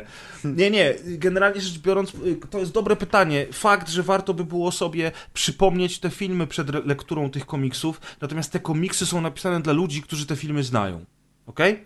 E, I jakby przez to, że Prometeusz dla mnie był dosyć dużym zawodem, a potem y, gówniak zesrałem się, to już była totalna porażka, czyli ten Covenant, ko- sequel Prome- Prometeusza, to jakby tego Prometeusza dobrze zapamiętałem też między innymi dlatego, że czytałem jak wyglądał e, scenariusz tego filmu, jak odnosił się do filmów z obcym, zanim wprowadzono zmiany. E, bo Ridley Scott, pisząc Prometeusza, bardzo mocno powiązał go z filmem Alien, czyli ze swoim e, opus magnum z końca lat 70. ubiegłego wieku. E, i, i, I tam wszystko miało ręce i nogi. Jak przeczyta się ten taki skrót tego oryginalnego scenariusza, to człowiek dochodzi do wniosku, że to był świetny, to mógł być świetny film. Ale potem przed David Goyer, który wtedy był bardzo znany, bo, bo pisał, współtworzył między innymi scenariusze chociażby do Batmanów Nolana. E, I on miał w Hollywood dużo do powiedzenia. I on przyszedł do Scotta i powiedział, słuchaj, ja ci pomogę, bo wiesz, ten film Alien to ma 40 lat i on nikogo nie obchodzi, a młodzież nie będzie go pamiętać, I bo tak na pewno sobie tego Batmanem filmu nie odświeży. I mówi, ja ci pomogę ten scenariusz przerobić, żeby ten film nie musiał być ściśle związany z Alienem, a co więcej, być może zrobimy z niego strylogię. No i dostaliśmy to, co dostaliśmy. Bo Ridley Scott posłuchał tamtego drugiego pana, w związku z czym ja byłem dosyć mocno wkręcony w, w tą tematykę. Zresztą dalej jestem, ja bardzo lubię te uniwersa, tak samo uniwersum Predatora. I po prostu mocno w tym Mnie siedzę. tam najbardziej Schwarzenegger się podobał w Predatorze. No oczywiście, że tak. Get to the chapo!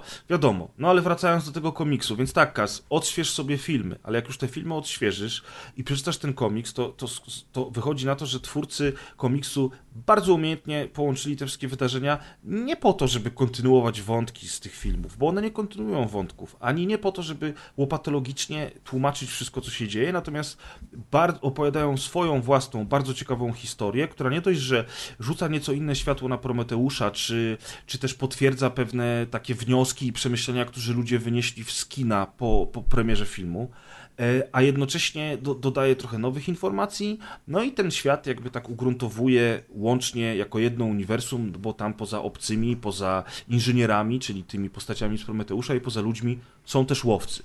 E, I bardzo mi się też podoba e, ta seria, dlatego że jest tam bardzo ciekawy Predator, e, którego zresztą już kupiłem figurkę zaraz po, po, po, po lekturze tego, tego e, dzieła. Minimalizm. Predator, Predator nazywa się Ahab, minimalizm, ładne, ładne, ładnie to żeś nawiązał do tego, tego. E, A można do niej wlać szampon, czy to jest taka zwykła figura? nie, nie, to jest taka zwykła Ja mam kolekcjonerska. Sorry, nie można mu odkręcić głowy. Z szamponem, Ale można mu tak? założyć maskę. Hanna Solo? W prezencie, myłem się. I Fajnie. Opowiesz nam, jak się To jest myłeś. zwyczaj, jodą, no. prawda? Opowiesz nam o tym, jak się myłeś. Recenzja, pan polski. A jeszcze były chyba takie, jak był Adwent, to tak Matkę Boską się dostawało, nie? Że... A, też było, no. To już nie chcę słuchać o tym, Zamiast jak wody się Matką święconej w Boską. środku, to masz, wiesz, szamponik. No i idealnie. Idealnie, Dobry Polak, czysty wracamy Polak. z powrotem do Predatorów. Katolik czysty. E, I dobra, i teraz tak, w dużym skrócie, bo ja nie, nie chcę wam opowiadać fabuły, nie zamierzam w ogóle wam opowiadać fabuły, bo warto ją poznać spoiler. samemu. Natomiast, natomiast Ale po przecież my i tak wszystko wiemy, bo, bo jest Prometeusz, jest Aliens 2, to każdy wie, jak się skończy. No, tutaj możesz być lekko zaskoczony. E, I właśnie ogólnie cała seria Fire and Stone wyszła też w Polsce. Można ją kupić w Polsce e, w czterech częściach. Ja mam akurat wersję angielskojęzyczną w jednym zbiorczym wydaniu. Natomiast Bo ja znam angielski. O, nie, bo, y, bo było taniej kupić tą zbiorczą wersję z Amazonu niż osobno cztery zeszyty w Polsce, kumasz, cenowo. I to Ojej. dużo taniej. Bo żeby zebrać wszystkie cztery y, zeszyty w Polsce, wtedy kiedy ja to kupowałem, to chyba musiałbym wydać z 2,5 stówy, a za wersję z Amazonu, która była akurat na przecenie razem z wysyłką, zapłaciłem chyba 140. No to wiesz, raz jesteś minimalista, drugi razem cebulak. Po Poznaniach może, kto to wie. W każdym Poznaniach razie... by używkę wziął. nawet by ci funta nie rzucił. albo pożyczył od Albo preza, jak pożyczył. przeczyta. Od Dobra, jakiegoś z. Krakowa najlepiej. To mi się podoba, to mi się podoba. W każdym razie, do czego zmierzam? E, bardzo fajny, bardzo fajna rzecz, świetnie przemyślana, niestety albo stety, bardzo popularna i dobrze oceniana. Powstał więc sequel. Sequel nazywa się Life and Death. E, kupiłem go już w wersji polskojęzycznej w osobnych czterech zeszytach y, i w pierwszym momencie myślałem, że to jest projekt bardzo podobny do tamtego, a okazało się, że to jest sequel Fire and Stone, który nawiązuje do wydarzeń z poprzedniej serii i dzieje się rok później. I niestety, sequel jest, jak większość sequeli, zwykłym skokiem na kasę, bo nie powiem, że, y, że, żeby był źle rysowany, broń Boże. Fenomenalne są te rysunki, natomiast fabularnie to już nawet nie stało koło poprzedniej serii. Jest takim, takim trochę, kurczę, nie wiem, takim jakby ktoś, jakby Alien 3 to był taki sam jak Alien 2, tylko był filmem klasy B, zrobiony przez gorszego reżysera i z gorszymi aktorami. Wiecie o co chodzi, nie? Dużo akcji, dużo klisz, dużo, dużo scen. Żelazny orzeł na przykład. Ważne, To żeby się seria. napierdzielali. Żelazny orzeł to taki zły chyba nie był w tych No pierwszych to była częściach. taka, nie, to była taka klasa C. Chociaż nawet- to już ostatnio rozmawialiśmy o tych filmach z lat 80., że one może nam się w, tylko w pamięci wy, wydają nie takie złe, a jakby teraz obejrzeć Żelaznego Orła, No, ja ostatnio miałem sposobność coś podobnego, to nie wytrzymałem do końca. No. no, Pony Orła polecam. uuu, panie, na DVD czy na VHS-ie oglądałeś? Wolę nie mówić na czym. O jest. Ej, ale ci, to, to są różni rysownicy, bo tu trafiam na te Tak, to są różni Niektórzy są rysownicy. fajniejsi, niektóre są takie fajne, agresywną, taką mocno ciemną kreską, sporo tuszu i ten, a niektóre są takie rysowane, że o Jezus. Tak, tak, tak, bo y, nie, nie wiem, czy jest jeden scenarzysta zawsze, czy dwóch, ale każdy zeszyt robi inny rysownik, przez Aha, co okej. każdy zeszyt ma zupełnie inny styl graficzny i to mi się akurat bardzo podoba. Niektóre są takie No to, szczegółowe. to zależy na kogo się trafi, nie? Bo mogą być fajni, a mogą być słabi, nie? Tak, ale tak, tak, ale jakby jako całość, jeżeli mam być szczery, to żaden z tych zeszytów jakoś strasznie mi się nie nie podobał. Wiecie o co chodzi, że one wszystkie były spoko, niektóre były mega spoko, natomiast, natomiast nie było tak, żebym się z jakimś męczył, nie? Że tam o Jezu, jakie brzydkie rysunki czy coś. Nie, niektóre to masz wręcz plamy, wiesz, jak tak, taki jest styl komiksu, który jest bardzo mało szczegółowy. Inne są takie bardziej em, plastyczne, natomiast ogólnie rzecz biorąc, każdy z tych zeszytów mi się podobał i to w obu seriach. Jeżeli chodzi o rysunki, to ja naprawdę nie mam zastrzeżeń. Natomiast fabularnie, no to, no to niestety ten sequel to już jest bardzo mocno w dół, jeżeli chodzi o poziom tej opowiadanej historii. I nawet nie próbują tam w żaden sposób wymyślić czegoś specjalnie nowego, czy, czy, czy, czy coś tam dodać. Znaczy, jest jeden motyw. Jest jeden motyw, który tak naprawdę e, pojawia się już w przemyśleniach, w, w takich e, wnioskach, w dyskusjach w internecie już od czasów Prometeusza i on rzeczywiście tam na końcu tego drugiego, tej drugiej serii jest gdzieś tam wyraźnie podkreślony, co jest spoko, ale jak na cztery zeszyty ten jeden motyw to jest trochę za mało, żeby się tym jarać, nie? Natomiast zdecydowanie, jeżeli lubicie Alieny i Predatory, to Fire and Stone musicie przeczytać. Kurde, ja lubię, ale żeby czytać. Okej. Najgorzej. Nie? Zaraz ktoś w komentarzach Możesz napisze, tylko oglądać, zaraz ktoś no. w komentarzach To jest- napisze to jest przeczytajcie na głos i nagrajcie nam z tego podcast. O, tak, tak. I tam w ogóle Kaz press będzie- pożycz komiks jeszcze. No, Kaz będzie tam robił odgłosy, nie? Taka, taka grupa, założymy grupę. Pożycz komiks. Już takich grup jest dużo na Facebooku, wiesz? Serio? Że tam można kupować e, i wymieniać się komiksami. Ale za darmo pożyczać też można? Bo ja, tak. No, I nie oddawać sądzę, nigdy. Nie na sądzę, wieczne wiesz? Nie, my oddajemy, my się tutaj, wiesz, liczymy z kasą i w ogóle to my oddajemy. Ja wam powiem szczerze, Jak że ja nie lubię pożyczać komiksów. Ja Książek nie lubię zresztą też nie. tak. Ale zdania, no.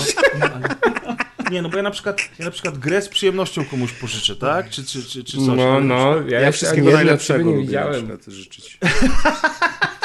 Każdemu Książek- chętnie pożyczę. Książek No, ani każdemu. komiksów nie lubię. Na przykład pamiętam jak dziś, że jeszcze w podstawówce czy w liceum, jak komuś pożyczałem książkę i on tą książkę brał i na przykład nie wkładał zakładki, tylko kładł Iblo do... była i Nie, kładł ją, wiesz, otwartą tak, że się, że się ten grzbiet Wiem, to jest dramat, nie lubię takich ludzi. Znaczy, łamał, lubię takich ludzi, wykrzywiał, nie lubię a już na, nie daj Boże, żeby ktoś robił zakładkę, że za, zagina mi róg kartki w książce. To mu chyba To są ludzie, zabił. którzy nie szanują po prostu książek, oni myślą, że to jest takie, wiesz, jak gazeta. Plus, tak, oczywiście, plus na przykład druga sp- sprawa jest taka, że na przykład ko- na komiksach zostają bardzo mocno ślady paluchów, a niektórzy ludzie tak, Tak? wertują te kartki, że wiesz, że, że palcami po wszystkim. Nie, nie, chyba nie, komiksów. no bez Fan jaj, nie ale... czytają.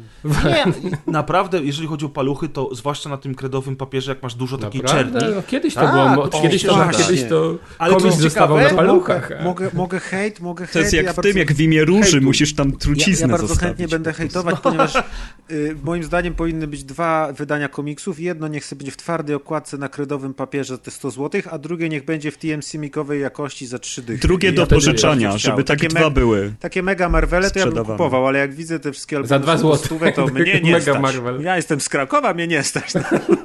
A mi w ogóle by nie przeszkadzało, gdyby to było na Żółwik papierze macie. toaletowym i w miękkiej okładce i zszywane No i żeby się po Japonii się roku przenieść. nawet rozpadało. Takie były To kiedyś i było tak dobrze. Po co to Obawiam się, obawiam się, mój drogi, że większość tych wy, takich zbiorczych wydań, które u nas się pojawiają w grubej okładce, to są już wznowienia. Część z tych komiksów oczywiście nigdy u nas w Polsce nie wychodziła, natomiast Wciąż wydaje można się, wydrukować na tanim papierze. Ale obawiam wydaje się, mi się, że że produkcyjnie się nie opłaca to po prostu wydawcy, Za wiesz? chamstwo. Jestem przekonany o tym, Moich nie, nie, mam, pieniędzy nie zobaczą. nie mam na to żadnych dowodów. Nie mam Oszukali żadnych mnie dowodów na to, ani wiedzy, ale wydaje mi się, że jednak produkcyjnie nie opłaca się tych takich nie ma- 20-kartkowych znaczy cienkich nie, no- zeszycików Znaczy wydawać. ma nie, no to nie chodzi mi o dźwięki kartowe. dystrybucji, miejsca dystrybucji ale, na takie rzeczy. Ale serio, mnie na przykład, dla mnie to nie jest żaden atut, że to jest, wiesz, kredowy papier, uu. A może dla mnie już to nie ma przykład nie ma takiego żadnej papieru różnicy, a... No nie wiem, znaczy no gdzieś tam czasem w Empiku zerknę na jakieś, to już ciężko znaleźć znaczy na z takim Całe papierze jak w Empiku. Mix, Maciek w to jest ten koleś, który zdziera No folię w właśnie. Empiku z tych komiksów, Siedzi tam w regale. żeby sobie obejrzeć. I później I wiecie, jak wertuje, to takie ślady paluchów tłustych Codziennie po pracy, wiesz, pół godziny I telefonem robi stoi, nie? screenshoty i czyta w domu. nie? OCR-em sczytuje i mi ale jak Google Maciek czyta. ma recenzję gry, to znaczy, że szedł do tego, do Mediamarktu pograć tam sobie na No, konsoli. i wiesz, bo- odpalasz sobie jednego z tych laptopów, co tam są, przynosisz sobie grę z innego działu, zagrasz pierwszy etap i robisz recenzję. Proszę pana, mogę tak nie płytę robisz? zobaczyć? Ja nie chcę pudełka, jak ty płytę. Ale jeszcze a propos tylko palcowania tych komiksów, czy niedbania o książki, to ciekawostka, no bo tutaj z Kazem żeśmy pokazali, że mamy podobne podejście co do tego i, i faktycznie Ale do palcowania? to Jezu, panowie. nie mam kurwa ripostki na to, zagiął mnie, no zagiął mnie. nie ma na odcinku, ja też się nie odzywam, To chciałem Kaz się musiał wykazać. No nie, y, do, do dbania o tego typu rzeczy. A rozmawiałem z Deuszem, który, którego dzisiaj z nami nie ma, więc nie może się bronić teraz. Deusz powiedział mi, że on absolutnie się nie przejmuje tym, bo przecież to są przedmioty użytku, O, on po to to kupuje, żeby, żeby mu to sprawiało przyjemność. Tak, to jest też to ciekawe nawiązanie do tego y, dokumentu, o którym dzisiaj nam opowiadałeś, bo właśnie i mnie to zaskoczyło, jest nie? Bo Deusz jest, Deusz jest wiesz, za, zawsze zadbany, pięknie ubrany i jak przesłucha ten A komiksy wyflejowane, że tak. go obgaduje teraz. Broda do każdego włoska docięta. A mówi, nie, nie, nie, ja nie mówię, że one Te są wyflejowane, są między stronami komiksu każdego. Chyba z brody, mam nadzieję. Ale właśnie zaskoczył mnie tym tekstem, że on mówi, nie stary, to jest do użytku, ja, ja, ja mam z tego czerpać radość i inni też mają z tego czerpać radość, nie? A to czerwone to dżem. No bo tak... Ojej, Nie brzydź się. To nie są trzy kropki z lasera Predatora na czole tego kolesia, to jest No. mój dżem z wczoraj. Ja taki paragraf kupiłem, na, paragraf 22 chyba, nie? Tak się nazywa. Kupiłem na targowisku i do tej pory nie przeczytałem, bo aż nie chciałem dotykać. Jest takie żółte, żółte plamy. Znaczy żółte, czerwone. brudne w środku, daj spokój Znaczy paluch. się, wiecie co, ja mam podobnie, jeżeli chodzi o gry, albumy i komiksy, ale z książkami to się w ogóle nie szczepione, są na tyle tanie i tak łatwo dostępne. No, nie Następny, wiem. co nie no, szanuje. no, no cwaniaku, jeszcze z Poznania? Co ty gadasz, Darek? Gdzie tanie? Dla nas wszystko jest drogie. Ale Dwie no człowieku, kupić teraz książki, przecież te księgarnie je wpychają prawie za darmo, bo one nie nadążają z drukiem. Nie, no bez przesady, książki są bardzo drogie, ja uważam akurat, No, że... Zależy Przepraszam, przepraszam, dworcu, przepraszam. Wydarzyło się coś niesamowitego właśnie. Jestem, wiem, jestem jebanym geekiem, nie? O Boże. Ale Mark Hamill właśnie Nie polubił mojego tweeta. Co, co? Co ty mówisz? Mark Hamill polubił mojego tweeta. Ale nie? on już jest nieważny, bo zjebał wszystko. No, Zamknij właśnie. mordę! Mark Hamill polubił Mark mojego Hamill? tweeta. Ten, co wyrzucił za plecy miecz świetlny? Hamill. I co No właśnie A, tego- teraz mi przypomniałeś, kurwa, Teraz ten film. chwalisz? Już trochę się mniej cieszę. Bo to jest ten Mark Hamill, to nie jest ten młody Mark Hamill. A co napisałeś 30 w ogóle, E, że się tak I- spytam? powiem, powiem wam. E, Mark Hamill wrzucił e, flagę... e, I love Mike Hamill. Tak. Poczekaj, poczekaj, Kas, poczekaj, Kas, bo to są ważne rzeczy teraz. Nie, Mark Hamill wrzucił flagę Pride. No i napisał Pride. I jakiś koleś napisał, sorry, ale gdzie tutaj się teraz... Sorry, ale UFC. Kas, Kas, jeżeli mamy się dalej kolegować, to nie możesz mi teraz przerywać, bo to jest bardzo A ważny pamiętasz, moment jak pił zielone mleko życiu. z cycków y, Przez Maciek, Morsa? Maciek, To był Miller Milś. Niemiecki z serialu Dark. Nie, dobra, powiem w szybkim Dobra, skrócie. dawaj, dawaj, to jest dawaj, trochę polityczne, ale, ale Kaskad skrót. spytał. Nie chciałem w to wchodzić w szczegóły. Wrzucił, kurwa, flagę w Pride'a Zalajkowałem Hamill, i mnie polajkował jakiś, i koniec. Nie, jakiś koleś napisał, sorry, ale muszę odfollowować w tym momencie twój, e, twój, U, twoje konto twinter- twitterowe. No i ktoś się spytał, dlaczego? No, bo nie lubię LGBT. Ale dlaczego nie lubisz LGBT? No i koleś pisze, mieszkam w Polsce Oj, oj, oj. i wszystkie te marsze, marsze, słuchaj, wszystkie te marsze, które tutaj się odstawia, e, nie są wcale o równości, tylko robią to po to, żeby zniszczyć chrześcijaństwo i kościół chrześcijański. Co w ogóle wiesz, wow, nie? Wow. No ja tylko napisałem jedną rzecz. Ja też mieszkam w Polsce. Chrześcijaństwo wcale nie jest zagrożone przez LGBT. To po prostu kolejna osoba, która boi się tego, czego nie rozumie. I Mark Hamill dał mi pierdolonego A, lajka. to taki generyczny dałeś, ten- a on zalajkował. To nie on, tylko jego spece od profili społecznościowych. Zazdrościcie, zazdrościcie! Ale po, cieszę się jak dziecko i w ogóle to nagrywamy ten odcinek na żywo i powiem wam szczerze, że to jest jedyna interakcja, jaką kiedykolwiek w życiu będę miał z Markiem Hamilem, który grał w serii filmów, filmów, na których się wychowałem i były Kiedyś dla je mnie lubiłeś. bardzo ważne. Ale Kiedyś niedługo umrze, czy co? Dla pamięci jest środa 17 lipca 2019, godzina 21.49. Kaz, nie bądź złośliwy. No nic, bardzo mnie to ucieszyło. No, dziękuję, do A może widzenia. Przepraszam. 21.36 była, jak to polubił. Nie, jest no tak.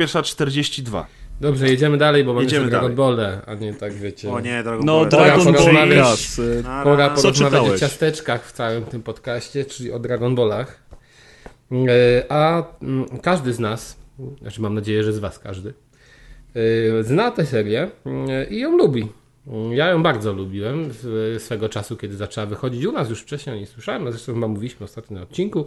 Tymczasem miałem okazję, sposobność zapoznać się z dwoma tomikami, które wyszły w Polsce. Jeden jest trochę starszy, się nazywa Dragon Ball Super, a drugi jest nowszy, jeżeli chodzi o polskie wydanie, i się nazywa Dragon Ball Odrodzony jako Yamsha.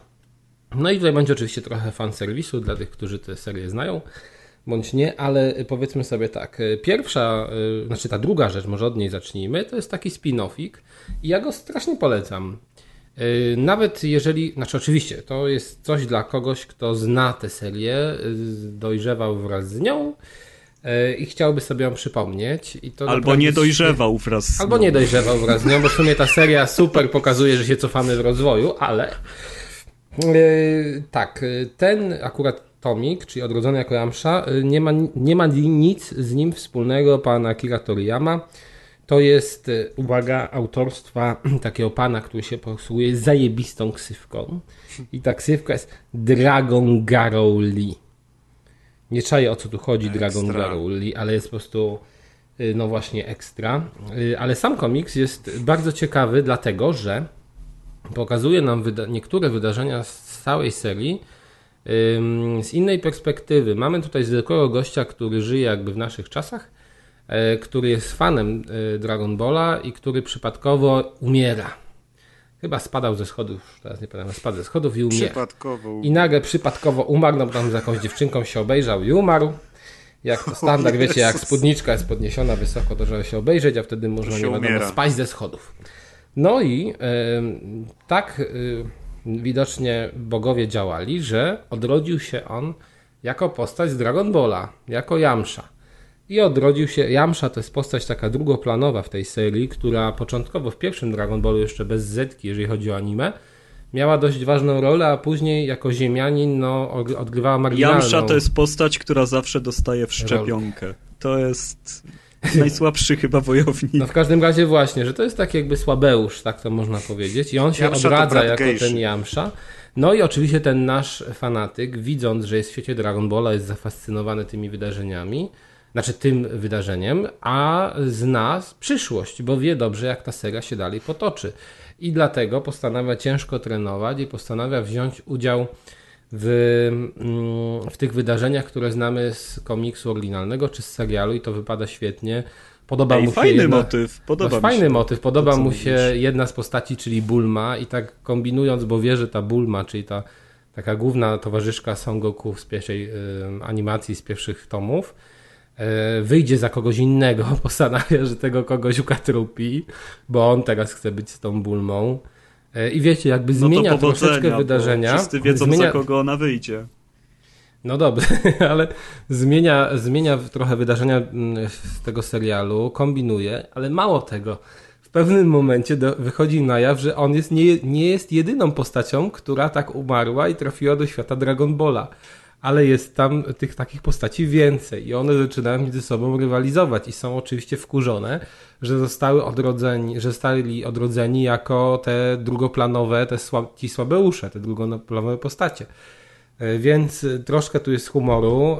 Y, Fajnie przedstawiono stare wydarzenia z serii. Podobno niektóre kadry jest w jednym tomie? jeden To- jeden. to Oczywiście to jest kończy, tak? króciutki, malutki tomik, tak, za 18 chyba złotych, 18,90. Także polecam, wygląda to bardzo spoko. To chyba w ogóle był konkurs ogłoszony na, na jakiś spin-off i właśnie gość go wygrał tym pomysłem. Pomysł jest super. Ja uważam, że coś dla fanów, jeżeli nie czytali tego od lat, chcą powrócić, bardzo spoko. Natomiast druga rzecz, o której chcę powiedzieć, to Dragon Ball Super. Ja akurat przeczytałem pierwszy tom tej serii. Wcześniej obejrzałem y, dwa filmy, które powstały, może nie już z logo Super, ale nawiązują do tych wydarzeń. Y, Przeczytałem później na Wikipedii, że te filmy, które powstały wcześniej, zanim pojawił się serial, później są odzwierciedlone w serialu, czyli serial jest jakby powtórką z tych filmów, tylko rozciągniętą na 27 epizodów. Tutaj mamy pierwszy tom, który w zasadzie zamyka historię z tych 27 epizodów y, serialu. No i, i mam do niego, no nie wiem, ambiwalentne odczucia. To jest coś, co mi się podoba i chcę sobie sprawdzić kolejne y, wydawnictwa, kolejne tomy, bo po prostu ta nostalgia działa.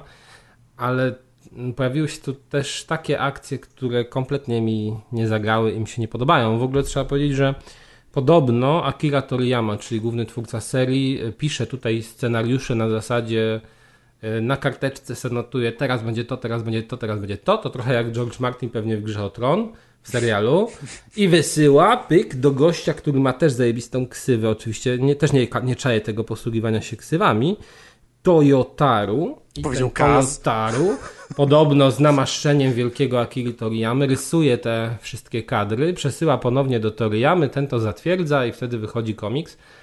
Yy, I też serial, chyba serial wygląda też podobnie, jeżeli chodzi o Toriyamę, czyli że on tam rozrysowuje wydarzenia, a inni za niego yy, robią resztę. Yy, Czyli jakby mamy pomysł twórcy, a więc teoretycznie powinno być bardzo spoko. Niestety mm, na końcu w ogóle tego tomiku pierwszego jest wywiad z Toriyamą i z tym Toyotaru.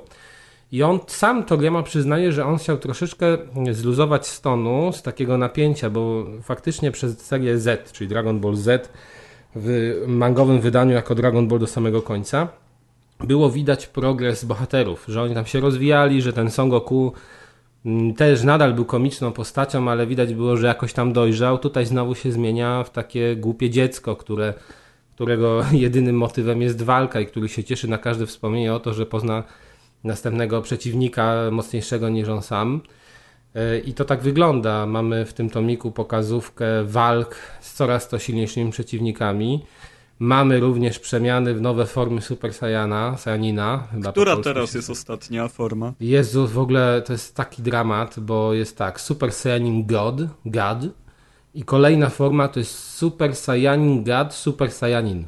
Ale gad prostu. tak jak żółw, czy... Nie, jak, jak. Bóg, jak gadzina. I oczywiście y, to wygląda komicznie, bo Gaijin. postacie... Samo, za, gaijin. Samo zaprojektowanie wyglądu postaci jest moim zdaniem, no nie, nie podoba mi się. Y, Wiecie, jeżeli fani wiedzą jak wyglądały te kolejne przemiany i one były coraz bardziej spoko. Nawet ta czwórka z Dragon Ball GT była mm, moim zdaniem świetna. Tutaj mamy po prostu zmianę, że Son Goku wygląda jak zwykła forma bez super, y, z tym, że zmienia się kolor jego włosków. Najpierw, najpierw na czerwony, później na niebieski. Tak, proszę Państwa, bo w przeciągu całego jednego tomu mamy aż dwie przemiany w Super Saiyana. Coś, co zajęło... Nie do wiary. Dwie formy Super Saiyana. Coś, co zajmowało wcześniej w tych dawnych seriach wiele tomów albo wiele odcinków, nie wiem czy set, ale kilkadziesiąt odcinków, tu jest podane w jednym tomie. I to jest w sumie y, coś, co mi strasznie przeszkadza w tego typu produkcjach, jeżeli chodzi o anime, y, takie, które bazuje na starszych wersjach, że mm, strasznie skracają wszystkie rzeczy, które były kiedyś fajne. Jak były walki w Dragon Ballu, na przykład w serialu, to trwały czasem po 20 odcinków, nie? I nie wiem, ja to śledziłem, taki byłem zafascynowany tym, podobało mi się to. Później e, zrobili taką serię uproszczoną, w której skrócili te wszystkie walki. I właśnie ten tomik wygląda jak taki skrót, mm, skrócone wszystko do potęgi entej. Dwie przemiany Ale wiesz tomie. co, to już chodzi o to, że idea Dragon Balla się zakończyła już. No tak, co nowego mogą zrobić? Nowe postacie też mnie jakoś nie przekonują. W ogóle tu jest taki koncept dziwny, że nagle się okazuje, że no przecież Son Goku to już generalnie wojownicy, których znamy, to są już sumie panowie wszechświata. No to skoro, one są, one są, skoro oni są panami wszechświata, to trzeba było coś wymyślić, żeby byli kolejni silni wojownicy, no więc wymyślono, że jest kilka wszechświatów. I każdy wszechświat ma jakby swoją ziemię i swoje inne planety, ale innych bohaterów, inne wydarzenia, inną historię. Oczywiście można poznać nowych, silniejszych przeciwników. I jak łatwo się domyślić, często ci silniejsi przeciwnicy, których poznajemy, wyglądają idiotycznie. Są jakby taką komediową y, wersją, nie wiem, Bu. Jeżeli ktoś kojarzy Bu, to, to wie o co chodzi. Zwyczajnie mi to nie Prez odpowiada. Tak, prez już wyszedł. Ja jestem cały czas, nie wiem co to było, co to za drzwi, to znowu No. jakieś dziwne odgłosy, najpierw może- pociągi, potem Tak. duchy. Tak, no, w każdym razie y, coś mnie do tego przyciąga, bo da, strasznie mi brakowało tego Dragon Balla przez wiele lat, y, bo byłem fanem tej serii, zarówno mangi, jak i komiks, jak i y, serialu. Tutaj mam jakby dalszą część, bo to jest przecież sequel. Nie do końca mi odpowiada, mm, opowiadam nowe postacie i ten zamysł z przemianami tych bohaterów, takie dziwaczne pokraki wręcz, z tym, że ci przeciwnicy wyglądają bardziej komicznie niż groźnie, z tym, że główny bohater jakby znowu y, nie dorósł, albo znaczy cofnął się w rozwoju, jeżeli chodzi o takie postrzeganie świata. No ale mimo wszystko czyta się to no, bez jakby znużenia, więc y, pewnie fanom Dragon Balla się spodoba i będą chcieli poznać, co tam dalej się wydarzyło. Mało tego, kolejną taką rzeczą, która przyciągnie Was do tego komiksu jest y, giereczka, która się nazywa Dragon Ball Fighters i przez Z na końcu. I właśnie ten Fighters ma wiele z postaci, które występują w tym tomie, więc warto go poznać, zanim sięgniecie po Znaczy grę. się ogólnie Dragon Ball już podzielił ludzi na tych, którzy go lubią i nie lubią od dawna, więc No tak, bo to już wychodzi, nie ten wiem, jeden 4 3 komiks lata. nic nie zmienia, czy też gra. A, Nie? Aha, ty mówisz, że ogólnie seria cała, tak? Ja myślałem, No jako marka, no to już każdy dawno temu podjął decyzję, czy, czy się No tak, jara, no, ja, tu mówię, jara. ja tu mówię raczej z perspektywy fanów. No wiadomo, że ktoś nowy w temacie się tym nie zainteresuje, bo w ogóle nie ma sensu. Ta seria to nie jest coś takiego, że tak jak Maciek mówił, że na przykład Stranger Things skończył się na sezonie tym, jest zamknięta całość i tu można sięgnąć po, po tę serię i zacząć jakby od zera. Tu nie można zacząć od zera. Tu musisz znać te postacie, musisz wierzy, wiedzieć, jakie były relacje między nimi, żeby cokolwiek w ogóle skojarzyć. Także to jest w ogóle rozmowa dla fanów i komiks dla fanów. Ale mówię, fajnie, fajnie, fajne jest to, że ta gra też wykorzystuje motywy z tej nowej serii, że są nowi bohaterowie i warto sobie ją przeczytać właśnie z tego względu, że żeby później pograć w grę i wiedzieć, co tam się wydarzyło, bo gra jest świetna. Ja zacząłem właśnie niedawno w nią grać. Pewnie kiedyś o niej opowiem. No, ale to tyle, czyli jako taką polecankę 100% to Dragon Ball odrodzony jako Jamsza ze świetnym pomysłem, a Dragon Ball Super to tylko dla fanów, którzy chcieliby poznać nowe wydarzenia Son Goku i spółki. To tyle. Kaz, bardzo się cieszę, że opowiedziałeś o tym Dragon Ballu chwilę po tym, jak śmiałeś się z Gwiezdnych Wojen. Dziękuję. Proszę Tak. bardzo. Proszę bardzo. Zawsze wiemy, że Japonia górą. No, no i generalnie jakbyśmy mierzyli po, poziom po, postaci, jeżeli chodzi o siłę, to wiadomo, że zmiecie, Że Songo by wygrał żeby ich zmiótł wszystkich. No dobra, okej, tutaj tym argumentem mnie przekonałeś, to jest prawda. Słuchajcie, y, wydaje mi się, że ze wszystkich dokładek, które dzisiaj mieliśmy, torcików, kawek i piwek, już wszystko nam zeszło. Więc jeżeli ktoś chce. A ja bym tylko jeszcze... jedną polecajkę tylko chciał Czyli Kaz skacze jeszcze po pół litra. Okej, no dobra. Nie, ja, nie dalej. tylko taka jedna, nawet powiem wam szczerze, że ty mnie zainspirowałeś tą polecajką i ja też dawno już jej nie czytałem, ale wiem, że bardzo mi się spodobała swego czasu. W Polsce wyszedł kiedyś taki komiks, który się nazywał Superman Aliens. A, O, To był, mam go gdzieś. No właśnie, i to był miks Supermana z y, obcym. I pamiętam, że no w ogóle nie, już nie pamiętam fabuły. Wiem, że mi się po prostu strasznie podobało. Pamiętam, że miałem taką lampeczkę przenośną, czy, czy, czy jakąś lat, latarkę chyba jeszcze, latarkę. Z była dziurką? burza, z dziurką, była burza i nie wiem, i bu, w czasie burzy wyłączono prąd. No, są takie flashlighty. A, taką latarkę z Juice. Nie, to nie taką, nie taką, nie nie, flashlighta, zmienia wypraszam zdanie. sobie. Chociaż też można zobaczyć, jak to wygląda. Może komuś się spodoba taki flashlight. Natomiast nie, w ogóle tam sam klimat tego komiksu odpowiadał tem, temu em, dniu, w którym go czytałem, czyli właśnie, że nie było prądu, że była burza. I sobie tak czytałem pod kołderką w moim forcie y, ten komiksik. Naprawdę spoko historia. tak? Zresztą patrzyłem, zresztą patrzyłem sobie na, też na opinię o tym e, dziele i wypadają całkiem znośnie. E, Więc naprawdę warto się zapoznać. Tym bardziej, że na Allegro można używki kupić bardzo tanio. A, a. Bardzo tanio. Tam chyba fajnie było wytłumaczone to, że ten Superman sobie tak nie- nie radził z tymi aliensami, bo człowiek sobie pomyślał, no Superman to tam nie Tak, wiem, w ogóle, że on się z coś, nimi a tam spotkał, było coś też- takiego, Bo tam było, tam on nie, nie miał dojścia do słońca, z tego co ja pamiętam. W sensie do żadnej gwiazdy nie Aha, było zbyt blisko, no tak, nie? czyli nie miał A on No, Ale wie, też, że on jakoś wyleciał, też to też było dosyć, dosyć dobrze rozwiązane, że to jakby mm, nie, że z dupy nagle się aliensy pojawiają, tylko właśnie, że... Z brzucha On, one z brzucha, tak. O Tak, Jezu, zdecydowanie. alien z dupy. To O jest ja, to byłby horror. To jest dopiero. pomysł na kolejny sequel Prometeusza. Chociaż, o Jezus, ty Prometeusz lepiej już nie podawaj go pomysłów, bo po tym, co zrobili w Kowenancie, to ja się aż boję. Takie wyobrażenie Natomiast sobie do toalety wchodzi. Ej, ale w zeszłym Ale- roku Predator też okropny film wyszedł, nie wiem Okropny. czy wiecie. On miał parę Ej, dobrych momentów, ja ale wiem. był naprawdę kiepski. Znaczy-? Ja, ja jakoś go chyba oglądałem w oderwaniu, bo ty, nasłuchałem się oczywiście mnóstwa złego i jak tam już, nie wiem, tam rok po premierze go obejrzałem, to muszę przyznać, że się w wielu momentach śmiałem i był dla mnie lepszy niż na przykład Alien vs Predator obie części. No, Ja myślałem, że ja słaby, oglądam no. straszny film przez pierwsze pół godziny. No, trochę co, coś takiego. Ej, to straszny film był super, co prawda, nie wiem, 15 lat temu, ale był super. To tutaj Nie, tak... no. Ej, widziałem znaczy, że- ostatnio pierwszą część, cały czas się broni. No Pierwsza tak, i te, też, no, no, no. Teraz Ja wam- jak, jakby coś, to na TV4 leci Cyborg z Van Damme z 89. O, ej, ale Cyborg jest zajebisty. Nie jest, zestarzał się Jest, chyba dosyć jest, słabo. Nie, zestarzał nie się, mogę na to super. patrzeć.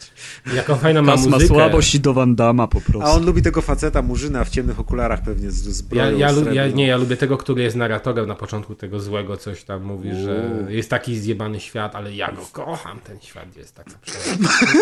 To jest To jak, przyszłości. no to jest kaz jeden do jednego. I rzuca wtedy te pół funta temu Grajkowi tam na ulicy, wiesz. Ja kocham ten świat. Może jest drogo, ale go kocham. Ojej, nie, wyłączam to, nie mogę patrzeć na tego Van Damme. Dobra, co tam jeszcze, panowie? No nic, no tylko jak już wspomniałeś w tym filmie Predator, czy tam Kaska to o nim wspomniał, to generalnie rzecz biorąc, e, ja tylko jestem zawiedziony bardzo mocno, że facet, który nie dość, że występował e, w pierwszym Predatorze, to jeszcze tam e, brał czynny udział w jego produkcji, e, zrobił tego nowego Predatora i, i, i totalnie go spierdzielił, no bo jakby poszedł w takim komediowo-dziwacznym kierunku, który, który dla mnie jest niestety już przerostem e, formy na Przecież tam był pies Predator, no. tak, się tam nie był pies Predator po lobotomii Tam do tego, więc w ogóle już... No, no niestety, no, no, no niestety to, to było... My bardzo- zacznijmy no, kręcić było filmy. to coś, nie, nie ten, nie była to kontynuacja jedynki taka. Słuchajcie, weźmy zbiórkę na Kickstarterze i zrobimy swojego Predatora. Taki Nie, już teraz, teraz robią kolejnego Terminatora. Pre, pres, a pamiętasz, jak czekaliśmy na tramwaj po wizycie w salonie arcade i jechał koleś na motocyklu w hełmie Predatora? Tak, To pamiętam. wczoraj, słuchaj, go spotkałem na światłach, stał obok mnie, totalnie. Mogę się wychylić i pogadać, dzień dobry. Co, bałem się, jeszcze by mnie zabił, wiesz. Nie masz broni przy sobie, to nie powinien cię To- to- atakować. Aha, no to widzisz. No, Chyba, że następny uzna, raz. że twój mózg jest twoją bronią. Ha! No, na pewno, Ale tak. Darka na nie, pewno nie tak objął uzna. ten mózg. No właśnie, więc- w sumie, w sumie racja. No, Maciek, to jesteś bezpieczny. Było blisko! Tu, tu. No dobra, kochani. To była druga dokładka, trochę się Jezu, pośmialiśmy, Udało trochę się. pogadaliśmy. Już jest tyle dokładek co pierdololów chyba, tak? Już są dwie, tak, także No. już idziemy na rekord, Do, do idziemy na rekord. będzie. Idziemy na... Wow! Kas, co ja Kas mówiłem na torach na torach. czas. Do zobaczenia, odjeżdżam, papa.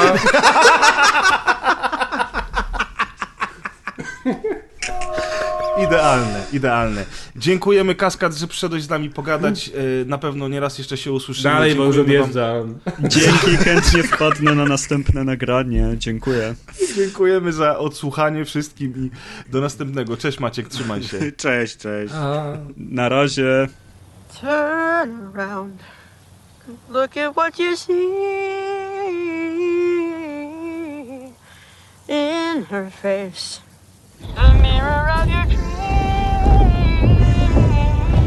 Make believe I'm everywhere. Give it in the light.